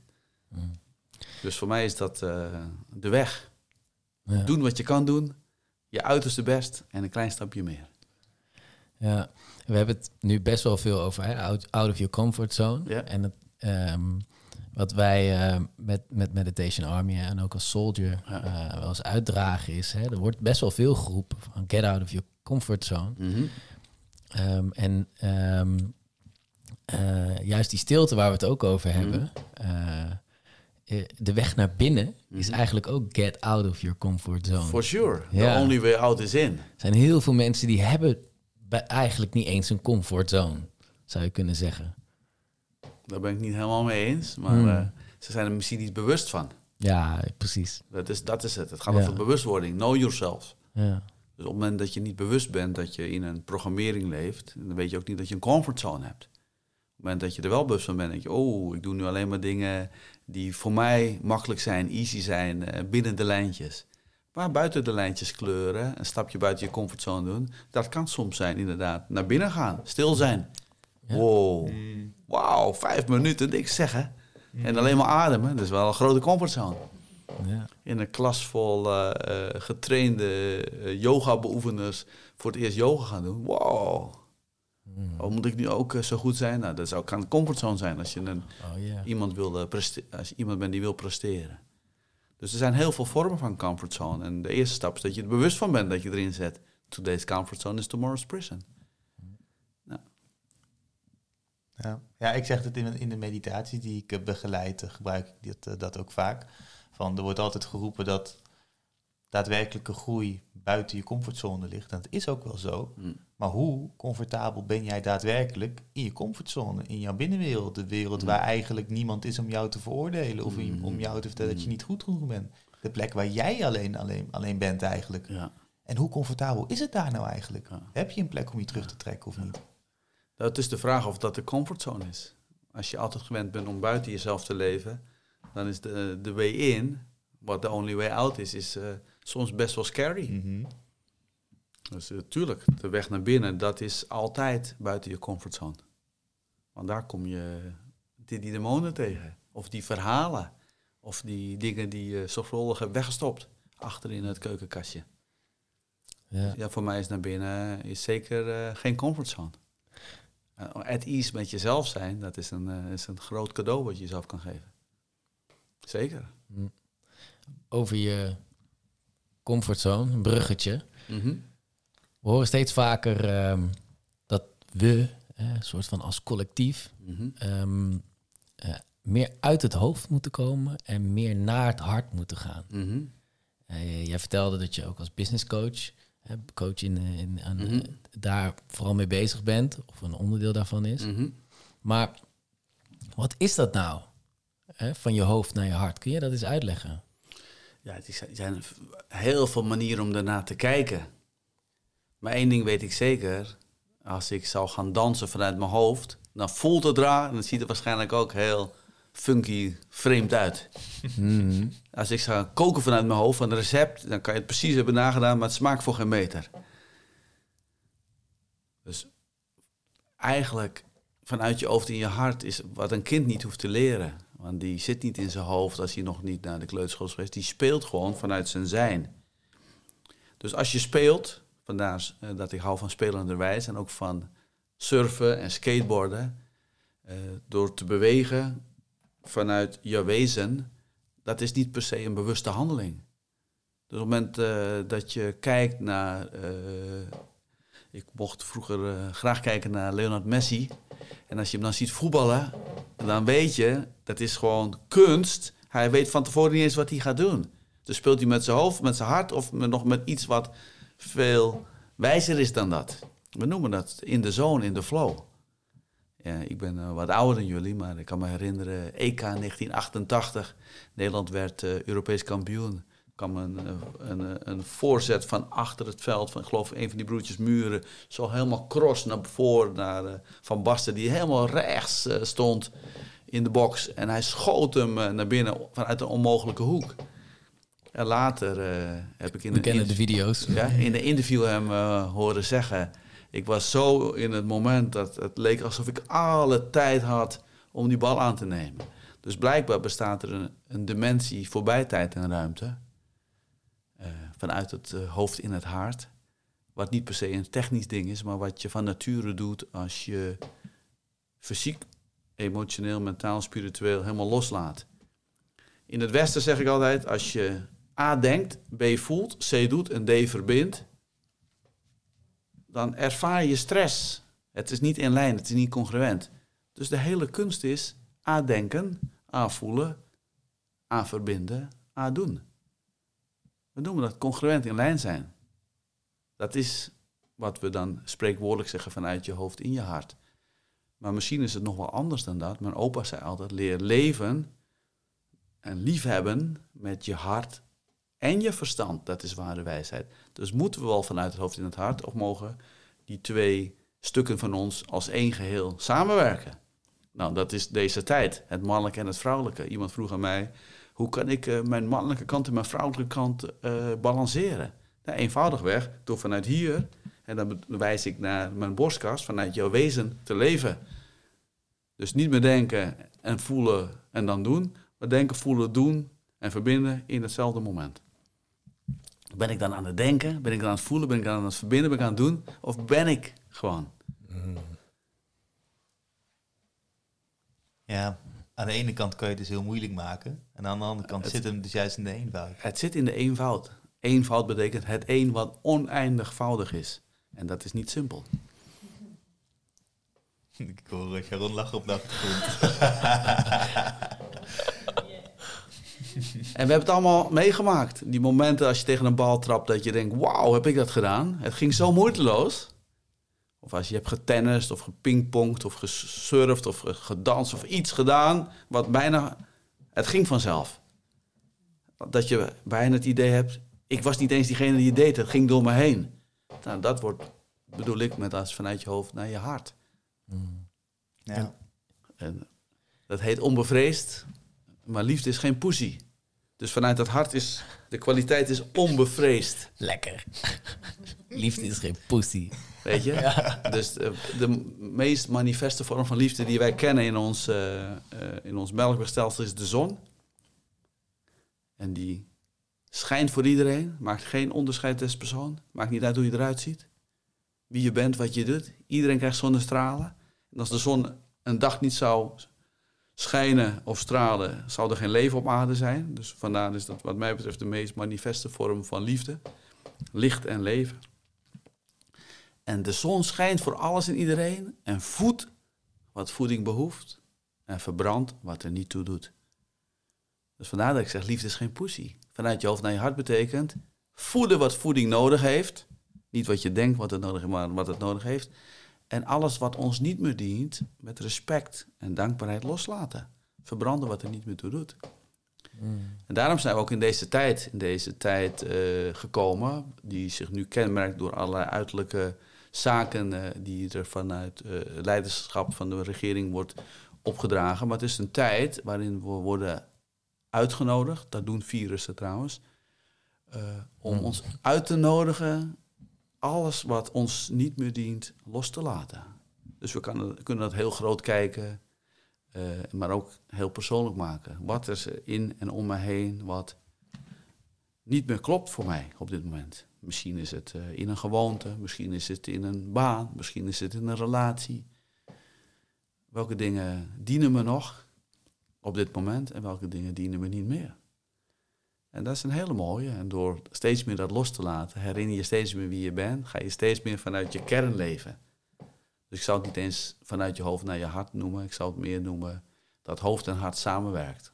En dat jouw doen, jouw voelen, jouw denken en jouw verbinden één geheel is geworden. En de oerkrachten, aarde, vuur, water en lucht in het midden samenkomt. En jij de leider van jouw werkelijkheid bent geworden. En verantwoordelijkheid genomen om medeschepper te zijn van onze werkelijkheid. Aho. Oh.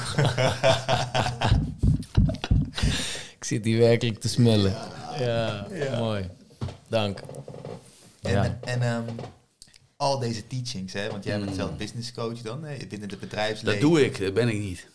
Je, je doet business, Ja. je, je doet je werk als business coach. Mijn naam is Henry Delacroix. Ik ben niet Henry Delacroix. Ik ben ook geen therapeut. Ik, ik masseer mensen. Mm. En ik coach mensen en ik train mensen. En ik geef teachings en lezingen. That's it. Ja, we zeggen ook altijd, eh, dat hebben we dit keer niet gedaan, maar als we labels gooien, Ja. Mm, dat je niet die labels bent. Zeker. Dat je ze hebt Ja. en dat het ervaringen zijn. Zeker. Het is een mooie manier om te omschrijven wat je, wat je handelingen zijn. Wat ik doe, ja. ja, Ja. ja. Maar goed, dat doe je dus. ja. Ehm, maar in eerste instantie zouden mensen denk ik ook wel denken van... ja, al deze teachings, hoe kan je dat in hemelsnaam in het bedrijfsleven integreren? Want dat, is, dat bijt elkaar toch, spiritualiteit en... Helemaal niet. corporate leven. Grappig genoeg. Persoonlijk leiderschap is de kreet in het bedrijfsleven. Kan alleen maar als je echt bent. Als je authentiek bent. Als je een original bent. Als je real bent. Real. Reality. True existence. Ben je real. Dus het woord real komt van het woord reaal, royal, koninklijk. Act like a king to be real, zeg ik. Dus bedrijfsleven heeft schreeuwend behoefte aan echte, authentieke, originele mensen die out of the box creatief kunnen zijn en disruptive innovation durven toe te passen en disruptive innovator zijn en vernieuwing brengen. Want al het andere wordt overgenomen door machines en robots. Die heb je niet nodig. Dus bedrijfsleven schreeuwt om authentieke, originele, authent, eh, innovatieve, echte mensen die durven verantwoordelijkheid te nemen, leiderschap nemen en eh, ja, vooraan lopen als het nodig is en als het draait eh, weer een volgende stap gaan maken. Ja, absoluut. Dus dat botst helemaal niet. Spiritualiteit is eh, voor eigenlijk eh, zo integraal onderdeel van ons leven dat als je er niet over na zou denken, dan is iedereen een spiritueel wezen. Aarde, vuur, water, lucht, daar bestaan we allemaal uit. En of je het nou wil of niet, je komt er tegen in de windrichtingen, noord, oost, zuidwest. Je komt er tegen in de seizoenen, lente, zomer, herfst, winter. Je komt er tegen in de vier basispaden van je DNA, CTGNA. Je komt er tegen in de archetypen, krijger, heler, leraar, medicijnman of visionair, medicijnvrouw en leider, het midden. Dus spiritualiteit is een onlosmakelijk onderdeel, want het is, hoort bij de vier oerkrachten, de four indestructible powers, die een deel zijn van onze werkelijkheid. Dus in het bedrijfsleven hebben ze het al begrepen. Dat, eh, in sport trouwens ook. Vroeger eh, was mental coaching, eh, dat, dat werd niet zoveel toegepast. Tegenwoordig heeft elke sporter die een stap wil maken, gaat kijken naar wat kan ik technisch verbeteren, wat kan ik conditioneel verbeteren, wat kan ik qua strategie verbeteren en wat kan ik qua mindset en heartset verbeteren en bodyset. Ja. Mooi. Het is heel Ja. praktisch toepasbaar. Dus met teachings heb ik mensen kunnen helpen om eh, eh, een golfpro te, golfpro te worden. Heb ik mensen kunnen ondersteunen. Mijn stukje, want ze hebben heel veel ander werk gedaan. Eh, dat, net dat kleine puzzelstukje om naar de Olympische Spelen te gaan. Mensen kunnen helpen om eh, betere businessbeslissingen te maken. En het is gewoon praktisch toepasbaar. Dus spiritualiteit is vooral heel praktisch. We kunnen dus fantastische, mooie woorden zeggen, maar uiteindelijk gaat het over be present, hold space. In- en uitademen en het gewoon doen. Durven, ondernemen, evalueren nu. Ja. Dat eh, wat je net vertelde voordat we begonnen, vind ik Ja. een mooi verhaal. Wat jij doet bij mensen die zeggen, ik ben heel spiritueel. Wat ik doe, wat vertelde ik? Vertel.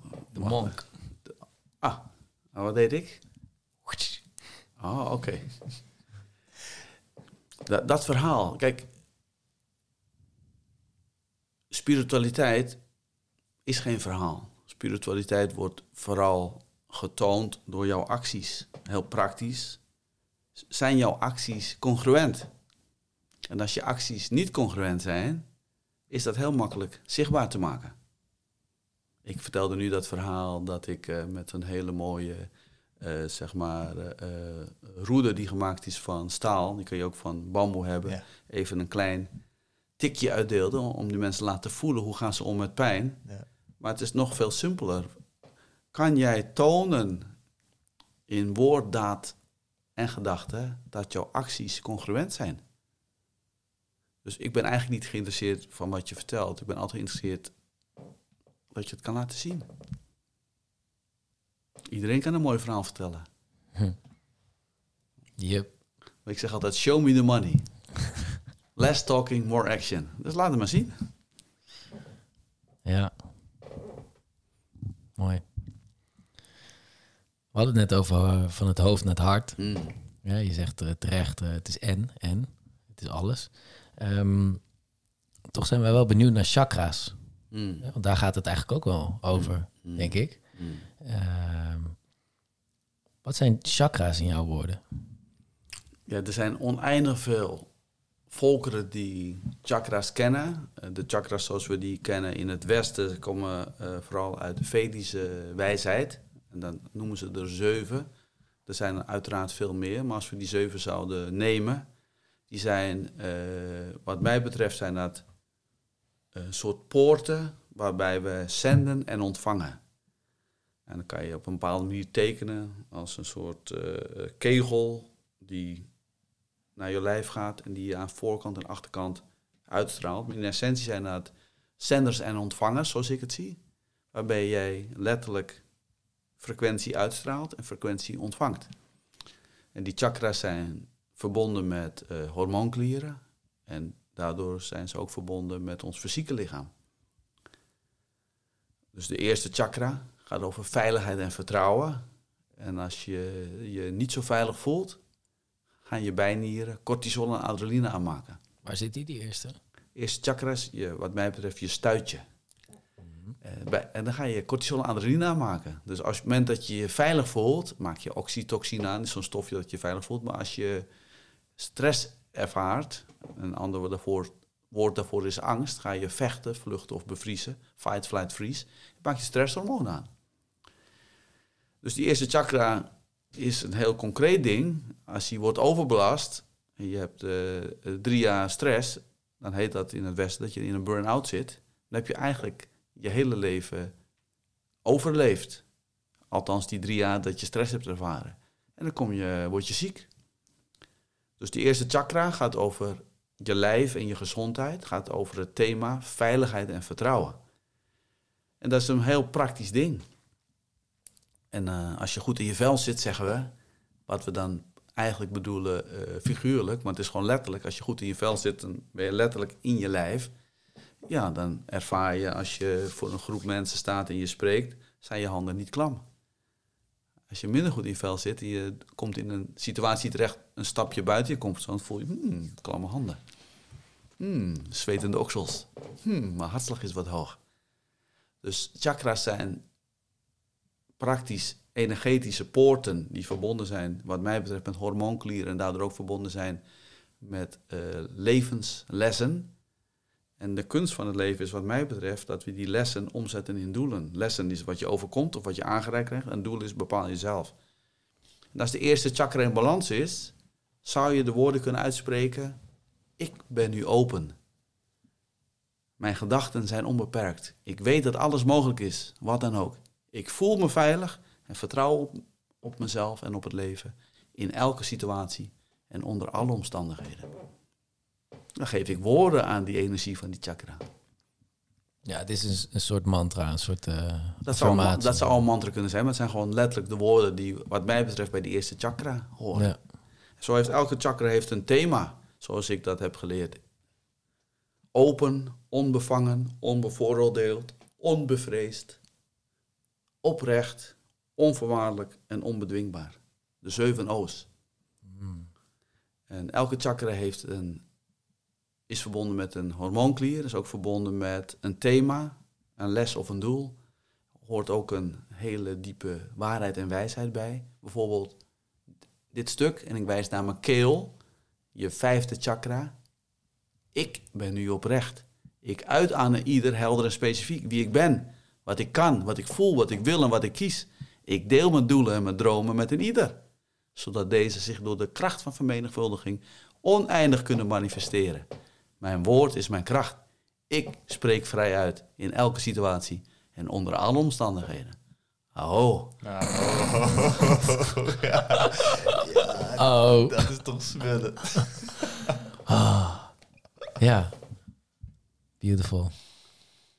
Verbonden met mijn schildklier en mijn bijschildklier. Mm. En als hij niet helemaal in lijn is, hij is of te open of te dicht, ja, dan heb je westers, heb je schildklier aandoeningen. Maak je te veel of te weinig schildklierhormoon aan, met alle gevolgen van dien. Mm. Heeft mijn mams.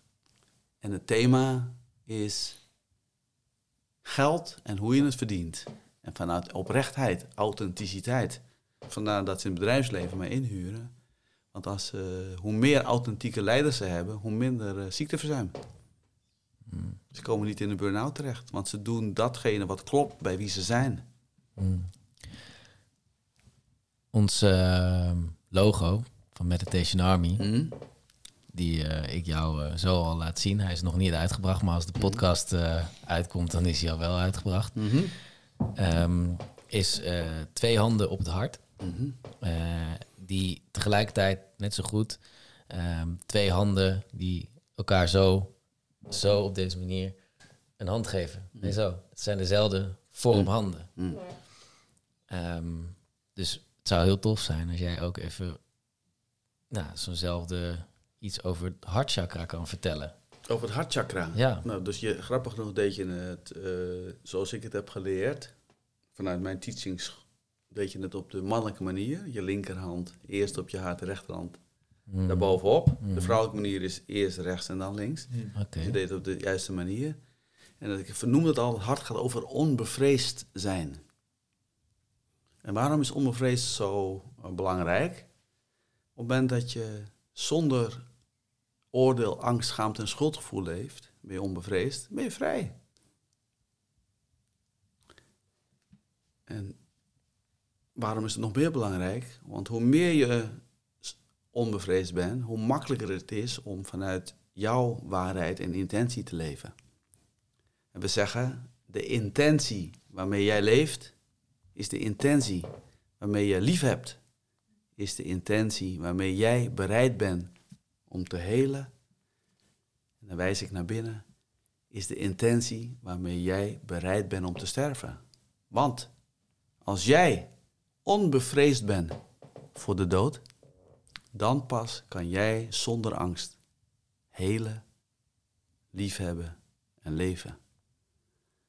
En wat bij het hart hoort, onbevreesd, zou ik nu uitspreken. Ik ben nu onbevreesd. Geen mens, geen dier. Geen voorwerp, geen situatie, geen gedachte of emotie kan tussen mij en de waarheid van liefde, licht en leven staan. Aho. Oh. Oh. En de Lakota zeggen: We do the things so that the children may live. But in order to give life to the children, we first have to give life to the unborn, divine child within us. Never born, never die. Sunborn noemen we dat. Dat gaat over het hart. En het hart kent geen verleden, kent ook geen toekomst. Kan alleen maar, kent alleen maar nu. En daarom heeft hij geen angst. En ook geen schaamte. En ook geen oordeel. En ook geen schuldgevoel. Shameless innocent is het hart. Als een crazy wild child die wild en free doet wat loose en natural komt. En daarom noemen sommige mensen me crazy wild child en anderen noemen me wise medicine man. En wie ik werkelijk ben, ik ben die ik ben. Niet meer, maar ook niet minder. Oh. Oh, Wauw.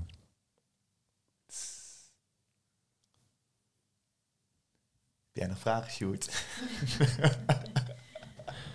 Ehm, ik zit zo even te kijken en te denken. Ehm, wat komt er spontaan omhoog als je nou niet naar je lijstje kijkt en eh, je laat gewoon omhoog komen wat er omhoog wil komen?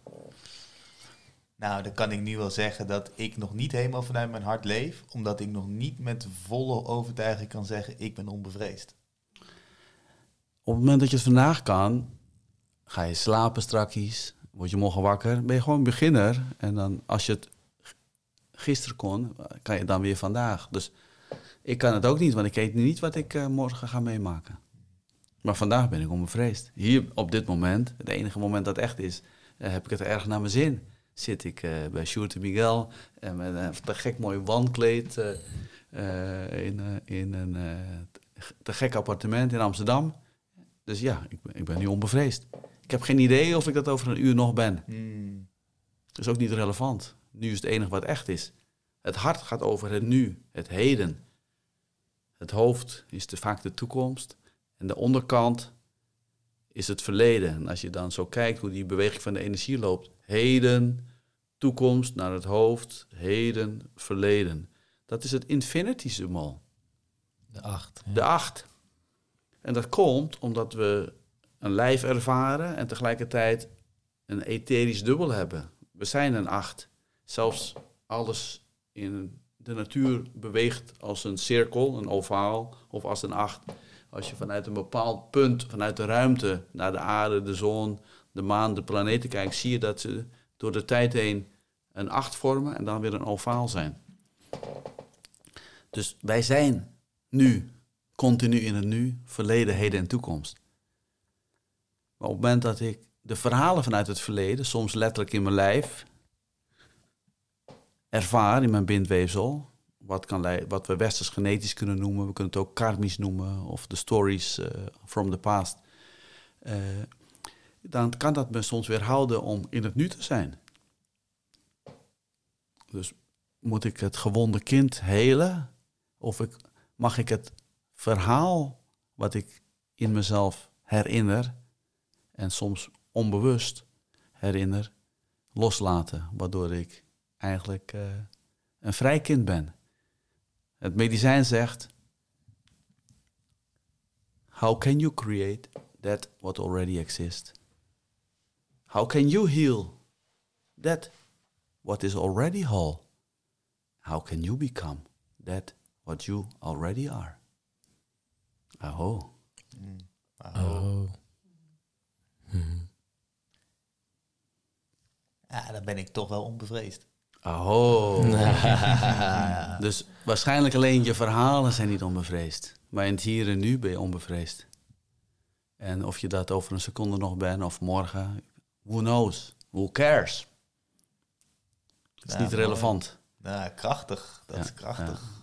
En daarom zeggen we, ik kies ervoor om hier en nu hier te zijn. En als ik terugkijk naar het verleden, kijk ik met dankbaarheid. En als ik vooruit kijk naar de toekomst, kijk ik met hoop en vertrouwen. That's it. Maar wel stevig geworteld in het nu. Met beide voeten op de grond. Poot in de modder. Zo is het. Hmm.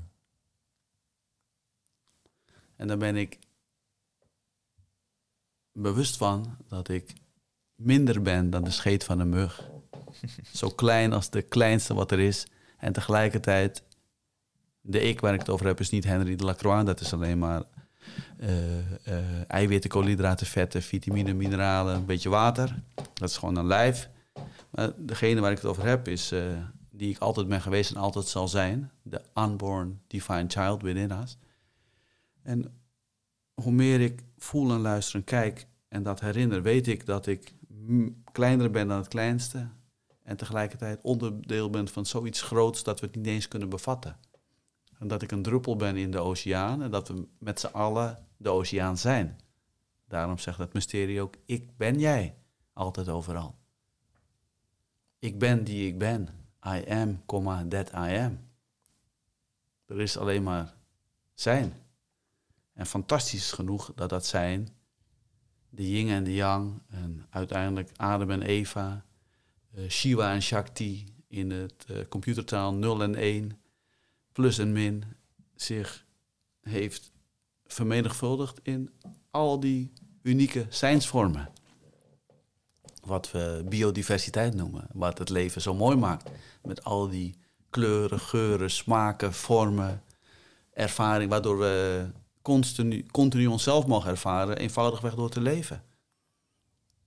Nou, als je hebt gereisd over de wereld, weet je dat een banaan in Nederland smaakt alweer heel anders dan een banaan in Zuid-Amerika. Smaakt al heel anders dan een banaan in Azië. Maar toch noemen we het een banaan. Nou, we hebben s- 7 miljard en een beetje mensen op deze aarde. En elk mens heeft zijn eigen unieke DNA. Zijn eigen unieke variant van aarde, vuur, water, lucht. De vier basisparen van het DNA. Hoe fantastisch is dat? En het is allemaal hetzelfde. En we zijn allemaal druppels van dezelfde oceaan. En als je steeds meer mag herinneren, dan herinner je... Wauw, ik kijk naar jou en ik zie Miguel en ik kijk ik zie Sjoerd. Maar ik kijk daardoor ook naar mezelf. En uiteraard zie ik iets van mij in jou en zie jij iets van jou in mij. En vandaar ook dat bij overal waar ik kom zeg ik, mag ik in deze ontmoeting iets delen en mag ik deze ontmoeting ook iets ontvangen. En dat is ook daadwerkelijk gebeurd. En ik had het net over mijn opa en over de ancestors en dan voel ik ze ook. En of het waar is of niet waar is voor mij niet zo heel relevant. Ik heb niet de behoefte om dat te bewijzen. Want de oude teaching zegt, alles wat voor jouw verstand waar is, is per definitie onwaar op het niveau van je ziel. Als we het wetenschappelijk bekijken, is het alleen maar waar binnen de theorie of het paradigma dat we hebben afgesproken dat het waar is. Maar daarbuiten is het een verhaal. En alles wat je kan ervaren op het niveau van je ziel, zou waar kunnen zijn. Maar wat is dan waarheid? Er is alleen maar ziel en geest en dat is één. En wat meer dan één is mogelijk. Dus het is heel interessant dat we zoeken naar waarheid en tegelijkertijd als we het hebben gevonden, kunnen we dat nooit aan een ander uitleggen wat het nou precies is. Maar je kan het wel in jezelf ervaren. En dat vind ik het mooie van het leven. Op het moment dat ik het kan uitleggen en ik kan het in een wet of een theorie stoppen, is het al niet meer waar. Het is alleen maar een wetenschappelijke verhaal. Wat waar is binnen het paradigma dat we hebben afgesproken dat het waar is. En ik kijk naar jou en ik kijk naar jou en dan zie ik jullie echt. Ter- Terwijl we wetenschappelijk weten dat we uit oneindig veel celletjes bestaan. Per seconde gaan er een paar miljoen dood. Fractie van een seconde daarna zijn er weer een paar miljoen bij. En elke cel, die zo oneindig klein is, heeft dezelfde vorm als het hele universum, wat per seconde 300.000 kilometer groter wordt naar alle kanten toe. En elke cel bestaat uit een aantal atomen. En elk atoom bestaat uit een kern, een neutron, iets waar het mee gevuld is, een proton, iets wat, ermee, wat er omheen draait, een elektron. En als ik daar met een megamicroscoop op indraai, inzoom, dan zie ik, wat zie ik? Niets. Niets. Dus ik kijk naar mezelf, als ik in de spiegel kijk, maar nu naar jullie, naar oneindig veel nietsen, gevuld met niets waar niets omheen draait. Dus ergo bestaan wij wel. Of ervaren wij alleen maar. Geen idee wat waar is, maar dat is ook niet zo relevant. Maar mijn hart, mijn innerlijk weten, mijn onderbuik, mijn onderbuikgevoel en mijn derde oog, en dan wijs ik eh, in het midden van mijn hoofd. Misschien ben ik wel getikt dat ik dat doe, zo. Want ik wijs met mijn vinger naar het midden van mijn hoofd. Inzicht, intuïtie, die weet wat waar is. Lao Tse Tung, die noemde dat de weg, de touw. Dus de ware weg is niet te benoemen, is niet te tekenen, is niet aan te wijzen. Als je het wel kan benoemen of aanwijzen, weet je zeker dat het niet de ware weg kan zijn. De Red Road, El Camino Rojo, je eigen weg. En we zijn allemaal op pad naar onze eigen weg om te herinneren datgene en diegene die we altijd al zijn geweest. Aho. Oh. Aho. Liefde, licht en leven. En jouw unieke verschijningsvorm daarvan. Schiet mij te binnen dat ik eh, een stukje tekst eh, met jou zou willen delen. Wat ik Ah. een tijdje, een tijdje geleden heb geschreven. Mm. Miguel kent het al. Eh, ik kom nu twee keer binnen en jij vraagt wat komt er in je op als je Ja. mij zo hoort. Uniciteit is het doel, maar ook de weg en de beleving. We zijn allemaal anders en daarom juist hetzelfde. Er is geen goed en ook geen fout. Want als een ieder beseft dat wat een ander behelst te verklaren is door uniciteit, dan is uniciteit het antwoord op de vraag wat jij doet met jouw energie en tijd. Oh, Oh, dat is diep. Dus heb jij dit geschreven of is het door je heen geschreven? dat is een goede vraag. En is het de herinnering aan de teaching? En er zijn velen die kunnen voelen, luisteren, kijken en dat op hun manier verwoorden. Soms in een liedje, soms in een mooi kunstwerk, soms in, eh, in, eh, in een gebouw, soms in een, iets wat ze ontwerpen of eh, een, een, een menu wat ze maken. En dat is meestal, zoals wij het zien, dat het door ons heen gecreëerd wordt. Ja, Dus dit is een vorm waar we in woorden uitdrukken wat eigenlijk niet in woorden uit te drukken is. Hmm. En daarom is het gedragen taal en kan je het op oneindig veel manieren lezen en in jezelf ervaren als waarheid. ja. Aho, dankjewel voor het delen. Oh. Oh, Zie, mooi. zie je nog iemand anders met zijn telefoon aan de slag? gaan? Ja, nee joh. Ehm, over het delen. Jij hebt ehm, een eh, tijd geleden, vorig jaar volgens mij, een, eh, een, een video gemaakt. Eh, Ja. Een hele mooie, krachtige video. Hmm. En wij liepen een paar maanden terug, nou, denk anderhalf maand geleden, liepen wij samen door het bos in, Hmm. in school. Mm. En toen vertelde je me dat je in de hele tijd van corona één keer echt het moment wilde nemen om jouw stem te laten horen. Mm. Het is een hele mooie video, die gaan we sowieso delen met onze gebruikers. Mm. Eh, eh, het, de strekking is, geloof ik, hè, dat je nergens tegen bent, maar dat je overal zelf voor kiest. Mm. Ehm, nou, eigenlijk, hè, we hadden het net over de intentie van onze podcast. Mm. Eh, min of meer hetzelfde. Eh, wij willen ook een keer, eh een keer een podium pakken en in ieder geval onze stem laten horen, zodat Mm. wij in deze tijden in ieder geval een ge- gedeelte van onze realiteit, van hè, Mm. wat wij, hoe wij de wereld zien, Mm. eh, kunnen meegeven aan onze eh, directe omgeving en misschien wel daarbuiten. Je zei toen dat je het één keer eh, wilde doen, maar ehm, wij willen jou graag uitnodigen om nog een keer dat podium te pakken en in ieder geval naar alle soldiers die nu aan het luisteren zijn, ja, iets te delen wat jij zou, graag zou willen delen. Dat is mooi.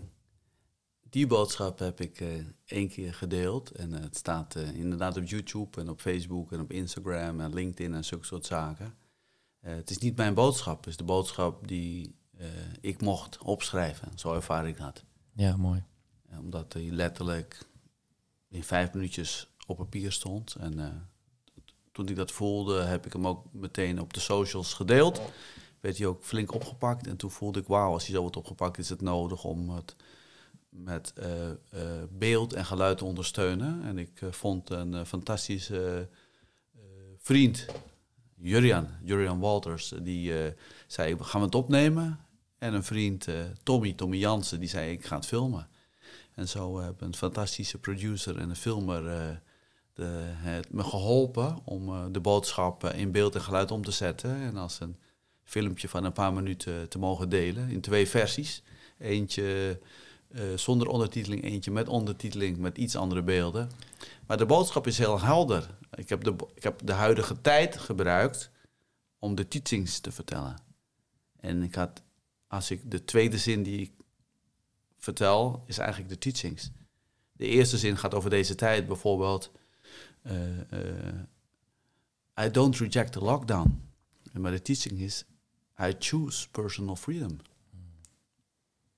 En ik geloof de tweede zin van deze boodschap is, eh, eh, I don't reject social distance. Maar de teaching is, I choose to embrace my sisters and brothers. En toen kwam eh, die avondklok. So I don't reject a curfew. En de teaching zijn, I choose to look at the stars at night. Ja. En toen kwam natuurlijk dat kapje, dat mondkapje. I don't reject a mask. I choose to breathe fresh air. Ja. En toen kwam dat vaccin, kwam te sprake. I'm not against the vaccin. I choose to trust my immune system. En om voor iets te zijn is fantastisch. En om tegen iets te zijn is fantastisch. Maar het kost meestal heel veel energie. En de omstandigheden kunnen per dag verschillen wanneer ik kies om iets wel te doen of iets niet te doen. Dus weer terug naar wat we al hebben besproken. In het moment voelen, luisteren en kijken. Want het moment is nu, dat is het enige wat echt is. En dan kiezen. Nou, dat is eigenlijk mijn boodschap. En dat is eigenlijk de boodschap van de spirit, van medicine. Dat is eigenlijk de boodschap die er altijd heeft geklonken. Voel, luister en kijk. En maak je eigen keuzes. We are the ones we've been waiting for. We are the change we wish for our world. Niemand gaat ons redden. En als ik mijn verantwoordelijkheid buiten mezelf plaats, dan moet of mijn partner me gelukkig maken, of mijn spullen, of uh, de regering, of uh, de paus, of wie dan ook. Maar uiteindelijk, uh, alles wat ik van binnen ervaar, heb ik gecreëerd. En alles waar ik niet tevreden mee ben, mag ik kiezen. Wil ik dat in stand houden of is het tijd om het los te laten? Dus wij mogen kiezen. Wij zijn medescheppers van onze werkelijkheid. En hoe meer we daarvoor kiezen, hoe meer we verantwoordelijkheid nemen. In het Engels responsibility, our ability to respond. En hoe meer we responsibility ervaren, hoe meer we oordeel, angst, schaamte en schuldgevoel los kunnen laten en daadwerkelijk vrijheid ervaren. En we zijn geboren als vrije wezens en we zullen sterven als vrije wezens. Maar of we, of we dat ook ervaren is een tweede. Dat is gewoon uh, wat het is. Ja. Mm That's it. En, uh, en uh, ik ben hier om mezelf door anderen te ontmoeten en door het leven te leven in alle facetten te ervaren daar kan ik mezelf in limiteren. En dat is meestal omdat ik dat doe vanuit angst. Dus het leven is voor mij heel eenvoudig. Met die connotatie dat het het een is wat oneindigvoudig is. Namelijk, alles wat ik doe is of een daad van liefde of een schreeuw om liefde. Wat we westers angst noemen of stress. Heel simpel. Liefde of angst. Alles is terug te brengen tot nul en één of 0 of 1, yin of yang, Shiva of Shakti. Maar we zijn Shiva en Shakti. We zijn allemaal quantumcomputers. In de kwantumtheorie noemen ze dat superpositie. We zijn en 0 en 1. Hoeft niet of-of. Dus op het moment dat ik tevreden ben met mijn angst, wat grappig genoeg noemen we dat angst, de illusie van de afwezigheid van liefde. In het Engels, fear, false evidence appears real. Op het moment dat ik mijn angst helemaal omarm en ik er niet meer van wegloop, is het liefde geworden. Hoef ik ook niet meer een schreeuw om liefde te doen, want ik ben dan liefde. Oh. Aho. Dus ik hoef geen liefde te zoeken. Ik hoef alleen maar te herinneren dat ik liefde ben door liefde te zijn, ontvang ik liefde. We noemen dat de wet van karma. Alles wat ik uitstraal, dat is geen actieve handeling trouwens, want we stralen allemaal. Radiate and shine, mother lover. Alles wat ik uitstraal. mother lover. Lekker. Mother lover. Mother lover.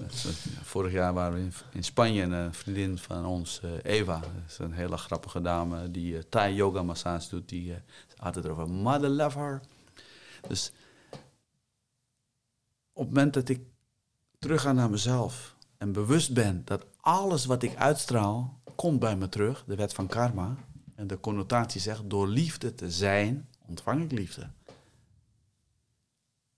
En op het moment dat ik dat heb begrepen en ervaren dat het zo is, weet ik ook dat de tweede wet zegt, waardoor alles wat zich in mijn leven aandient, nodig is op het moment dat het zich aandient. We noemen dat de wet van synchroniciteit. En als je die eenmaal hebt ervaren, weet je, omdat je nou eenmaal uitstraalt wat je uitstraalt, is alles wat zich aandient nodig. En als je je daaraan overgeeft, dan stroom je mee met de rivier. En dat is de derde wet. Dat is de wet van aanvaarding, acceptatie en overgave. Go with the flow and enjoy. Let the rhythm of life surprise you. Dat gedicht zegt niet go with the flow and suffer. Zeg go with the flow and enjoy. Let the rhythm of life surprise you. The reward is both at the end of the rainbow as in the journey itself. En dan komt de vierde wet. En die vierde wet zegt, als een gevolg van de drie wetten daarvoor, die kennen we als de wet van aantrekkingskracht, die zegt waardoor jij datgene wordt wat je altijd al bent geweest. En als je die vier wetten samen neemt, dat noemen we de grote wet, die zegt alles wat jij uitstraalt komt bij jou terug. Waardoor alles wat zich aandient in jouw leven nodig is op het moment dat het zich aandient. En als jij kiest, kiezen is heel wat anders dan dat het je overkomt. Kiezen betekent een krachtige intentie evolueert snel. Als jij kiest om jij over, aan jou over te geven aan datgene wat zich aandient, word jij datgene wat je altijd al bent geweest. Liefde, licht en leven. De wet van karma, de wet van synchroniciteit, de wet van overgave en de wet van aantrekkingskracht. Die vier samen zijn de grote wet. Aho. Aho. Aho. Wauw. Als je dat eenmaal beseft, liefde, blijdschap, acceptatie, zegening, dankbaarheid, is het leven heel eenvoudig. Het een wat oneindigvoudig is. Liefhebben, heb, liefhebben zonder voorwaarden en verwachtingen. Blij zijn zonder reden, gewoon omdat je blij bent. Kiezen om je over te geven aan het leven, zonder de kast, kant vast te houden. Je gezegend voelen, ongeacht je omstandigheden. En dankbaar zijn, eenvoudigweg, omdat je leeft. Als je dat kan toepassen, elke dag een steeds beetje meer, ja, dan is het leven een feestje. Oh. Oh, ja, ik zit, ik zit hier met zo'n big smile gewoon te luisteren. Ik wou net Ja. zeggen. Het, is ook heel leuk. ogen. Ja. Zo. Ik zie twee gasten, jongen, met eh, stralende ogen. Als een grote Spongebob zo. Ja. Absorb, absorb. Gaan we hem onderbreken? Nee, nee. Shoot, maak jij even een Nog saltootje? eventjes. Nog eventjes dan. Oké, laat hem maar. Laat, ja, we kunnen, we kunnen doorgaan. Maar ehm, ja, ik hoorde net dankbaarheid. En daar tune ik heel erg op in, in op dit moment. Mooi. Ehm, heel dankbaar voor, eh, voor dit moment. Samen. Ik reik mijn handen aan jullie uit en eh, we zijn allemaal één. En samen, tegelijkertijd ieder op zich uniek. Die vriend van mij in eh, New York, die Chinese monnik, Shifu Xiangming, zegt altijd... I'm the most handsome monk in the world. En dan kijkt hij aan en dan zegt hij... Remember, you are special too. Represent yourself. Show yourself to the world. Sharpen your blade every day. Never waste any second. Life is too beautiful and too precious to waste any second of it. And whatever happens, always be grateful. Aho. Nou, Dan wil ik nog mijn vader en mijn moeder bedanken. En mijn vader leerde me altijd, wa- wat er ook gebeurt in je leven. Breathe in, breathe out. Be present and hold space. Enjoy, embrace all what is. Show gratitude and grace. And be grateful. Say thank you in advance, whatever life gives you. Oh. oh.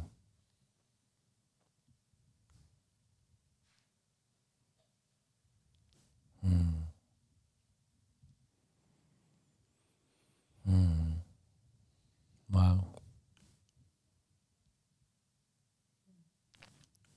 Is this a party or what?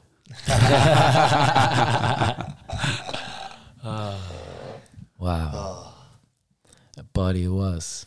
It is, yes. Ik ga zo meteen salto's oefenen, man. Het is veel wat er allemaal eh, gezegd wordt en eh, gedeeld wordt. En eh, het is diep. Ehm, ik moet dan denken aan eh, een gesprek dat eh, wij hebben gehad. Toen was ik overigens ook hier, was aan de telefoon. En ehm, je bleef eh, lekker ratelen zoals je dat eh, nu ook doet. En eh, ik kon alleen maar stil zijn. En, eh, en luisteren. En eh, ik realiseerde me dat eh, ik niet alles kon bijbenen. Mm. Eh, dat, het niet, dat ik niet overal met mijn hoofd bij kon. Mm. Maar dat is ook helemaal niet erg. Want het komt gewoon eh, rechtstreeks, de frequenties hè, van, het, Mm. van de woorden komen rechtstreeks in mijn hart. En ehm, ik denk dat dat een uitnodiging is naar de luisteraars om dat te vertrouwen. Om dat wat je vanavond, van, vandaag hoort, ehm, ja, dat dat wat jou eh, toe mag komen ook eh, toegekomen is. Mm. En anders moet je hem gewoon lekker twee keer luisteren. Dat is wat het is. Ja. Small daily effort leads to stunning results over time. En we hoeven het ook niet te begrijpen. Als je het voelt, heb je al een eerste stap. En eh, hoe meer je het voelt, hoe meer je het kan ontvangen. En hoe meer je het kan ontvangen, hoe meer dat zaadje wat ik nu heb geplant, eh, je beseft dat jij daar zelf water aan kan geven en voeding. En dat het op zijn of haar manier zal groeien tot wat ever dat zaadje wil worden. Datgene wat je altijd al bent geweest. En dit is ook niet om te begrijpen, dit is om te voelen en te ervaren en te doorleven. En ervan te genieten en soms ervan gefrustreerd te raken en soms van te huilen, maar altijd dankbaar. Aho. Oh. Oh. En eh, dat vertelde jij toen tegen mij, dat jij met je hart geluisterd hebt. En dat heb ik echt ter harte genomen. Eh, Beautiful. ik heb het vandaag ook gedaan. En eh, hoe langer het duurde, zou je denken van, nou word je dan niet op een gegeven moment moe. Maar ik heb alleen maar meer energie ervan gekregen. De glimlach werd groter en groter. Echt eh, prachtig, man. Mm. Echt, luister met je hart. Mm. Dat wat bedoeld is voor jou, dat heb jij perfect gehoord. Mm. En de rest herinner je wel op de tijd dat het goed jou uitkomt.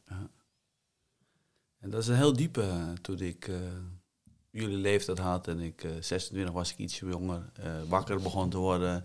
En mijn opa, maar later ook nog andere eh, spirits, ancestors, eh, meesters, entiteiten met mij gingen spreken. En dan zeiden ze zulke mooie dingen dat ik bijna in soort paniek raakte. Wow, ik moet het opschrijven, dat kan ik niet onthouden. Dan moesten ze altijd heel hard lachen.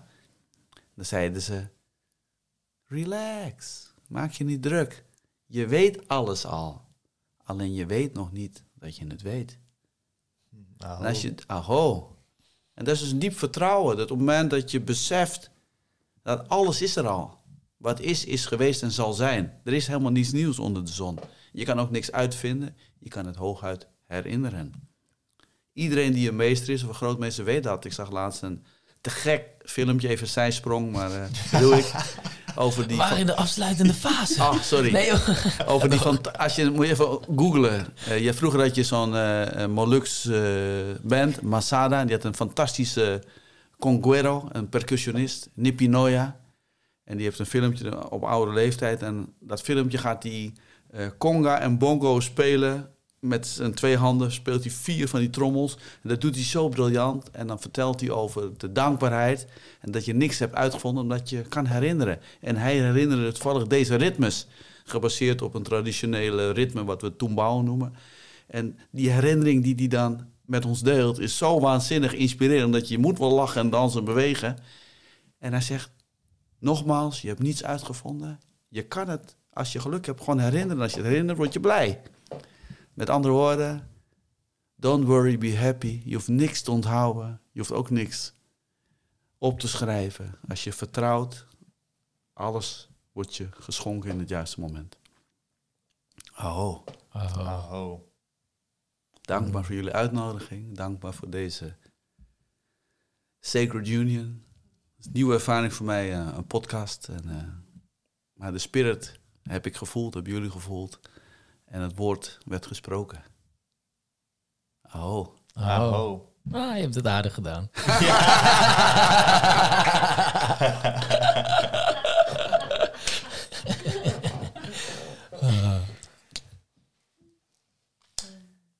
Waar kunnen mensen je volgen? Ja, tegenwoordig eh, is het hip natuurlijk. Instagram, eh Soul Surfing Foundation. Facebook, eh, Henry Delacroix. En mijn website eh, kan je vinden, henrydelacroix.nl. Alleen daar staat niks op. Daar staat alleen een plaatje. Henry Delacroix, training, coaching en behandeling, that's it. En eh, voor de rest eh, kan je me op aarde vinden. En als ik je mag ontmoeten, dan ontmoet ik je. En als het de bedoeling is dat we wat uitwisselen, dan kom ik je tegen. Zo geloof ik. Dus ik volg het pad wat ik mag volgen. En dat maakt dat ik mooie ontmoetingen mag hebben. En op fantastische plaatsen kom. En eh, mooie ervaring mag hebben in het leven. Die me allemaal wat hebben gebracht. Soms zijn de mooie ervaringen pas later mooi. In de ervaring is het soms, eh, kan het soms eh, pittig zijn of pijnlijk of intens. Maar uiteindelijk is alles eh, een cadeau. Dankbaar. Oh. Oh. Waar kunnen mensen ons volgen, Sjoerd? ja, we hebben het al benoemd, hè? Meditation Army. We zijn een tribe. Je kan eh, ceremonies, workshops, sessions, breathwork, eh, je kan het allemaal eh, volgen. Met ons samen, onder andere Henri, die wel eens wat moois doet. Ehm, je kan ons vinden op Instagram, meditation.army. Ehm, we hebben ook een Telegram groep waar je onderdeel van kan zijn als je dit echt voelt. Soldiers.podcast is natuurlijk onze podcastnaam en ook te vinden op Instagram. Eh, like en subscribe, follow, eh, deel, ga het gesprek met ons aan. Eh, dat vinden we leuk. Geef comments en ja. Heb jij nog wat te zeggen? Nee. nee, man, dit was hem. Ja? Ja, dit was hem. Nou dan, Ik hou van jullie. ja. Het was een mooi avontuur. Oké, dan sluit. Mag ik dan afsluiten? Ja, dat zou Nou, ik ik- echt heel mooi Ja, ik, ik wil nog wel eventjes eh, Ah. iets zeggen, eh Oké. Henri. Want ik wil je natuurlijk nog eh, heel graag bedanken voor jouw zijn. Voor alle wijsheden die je in het verleden al hebt gedeeld. Die je tijdens deze podcast weer hebt gedeeld. Samen met jouw team. Ehm, en die je ook nog vast en zeker in de toekomst eh, met ons gaat delen. Heel veel dank daarvoor. Sharon, ook bedankt. Ook eh, voor jouw bijdrage in Meditation Army en ehm, jouw aanwezigheid. Je hebt een fantastische stem en een eh, geweldig hart. eh, fijn dat je hier ook was. En ehm, ja, let's get it, zou ik zeggen. Sluit jij hem af, Harry? Oh, ik was een eh, paar jaar geleden eh, in Ibiza en er ontstond een liedje. En de liedje is ook op basis van een teaching. En dat is eigenlijk waar we nu naartoe gaan. En eh, ondanks dat er verdeeldheid geprobeerd wordt te zaaien, verdelen eerst angst en schuldgevoel, komen in de tijd dat we mogen herinneren. One tribe. We are one tribe. One heart. One people, one prayer. Because we live on one earth, one sky, one fire, one water. We are one. En dat is een hele diepe om dat te herinneren en te realiseren. Als ik naar iemand kijk die, die ik mag, dan voel ik verbinding. Maar als ik naar iemand kijk die ik niet mag, is ook een deel van mij. Als we herinneren dat we allemaal één zijn en allemaal hetzelfde doel hebben. Is eh, hier op aarde ons ding doen en ons thuis voelen en plezier maken. Als we dat weer met z'n allen gaan leven, ja, dan eh, gaan we deze mooie transformatie die we als mensheid mogen doormaken, gaan we een fantastische tijd van maken. En herinneren we dat dit is, eh, dit is ons thuis. Daar wil ik graag mee afsluiten. We are the ones we've been waiting for. And we are the change we wish for our world. Aho. Aho. Oh, En dan nog even dit. Want Soldiers Podcast is opgenomen op een prachtige locatie. Maar dit had nooit gelukt zonder de hulp van de boys van Moyjoy. Moyjoy, dat is een nieuw audioplatform die je kunt downloaden als mobiele app om jezelf op persoonlijk vlak verder te ontwikkelen. Je kunt bijvoorbeeld korte audioberichten ontvangen, dagelijks of wekelijks, net zo je wilt. Maar je kunt ook gehele interactieve courses volgen. Allemaal bedoeld om je te inspireren, te motiveren en jou te begeleiden in je persoonlijke groei. Je zou dit kunnen doen in verschillende categorieën zoals mindset, breathwork, spiritualiteit, waaronder bijvoorbeeld meditaties, voeding, mindfulness en nog veel meer. Echte soldier shit dus. Dus ben jij het zat om constant op jouw scherm te moeten staren en vind je het wel fijn om een podcast of een luisterboek te luisteren? Dan is Mooi Joy echt jouw ding. Dus download nu de app en vind die weg naar binnen.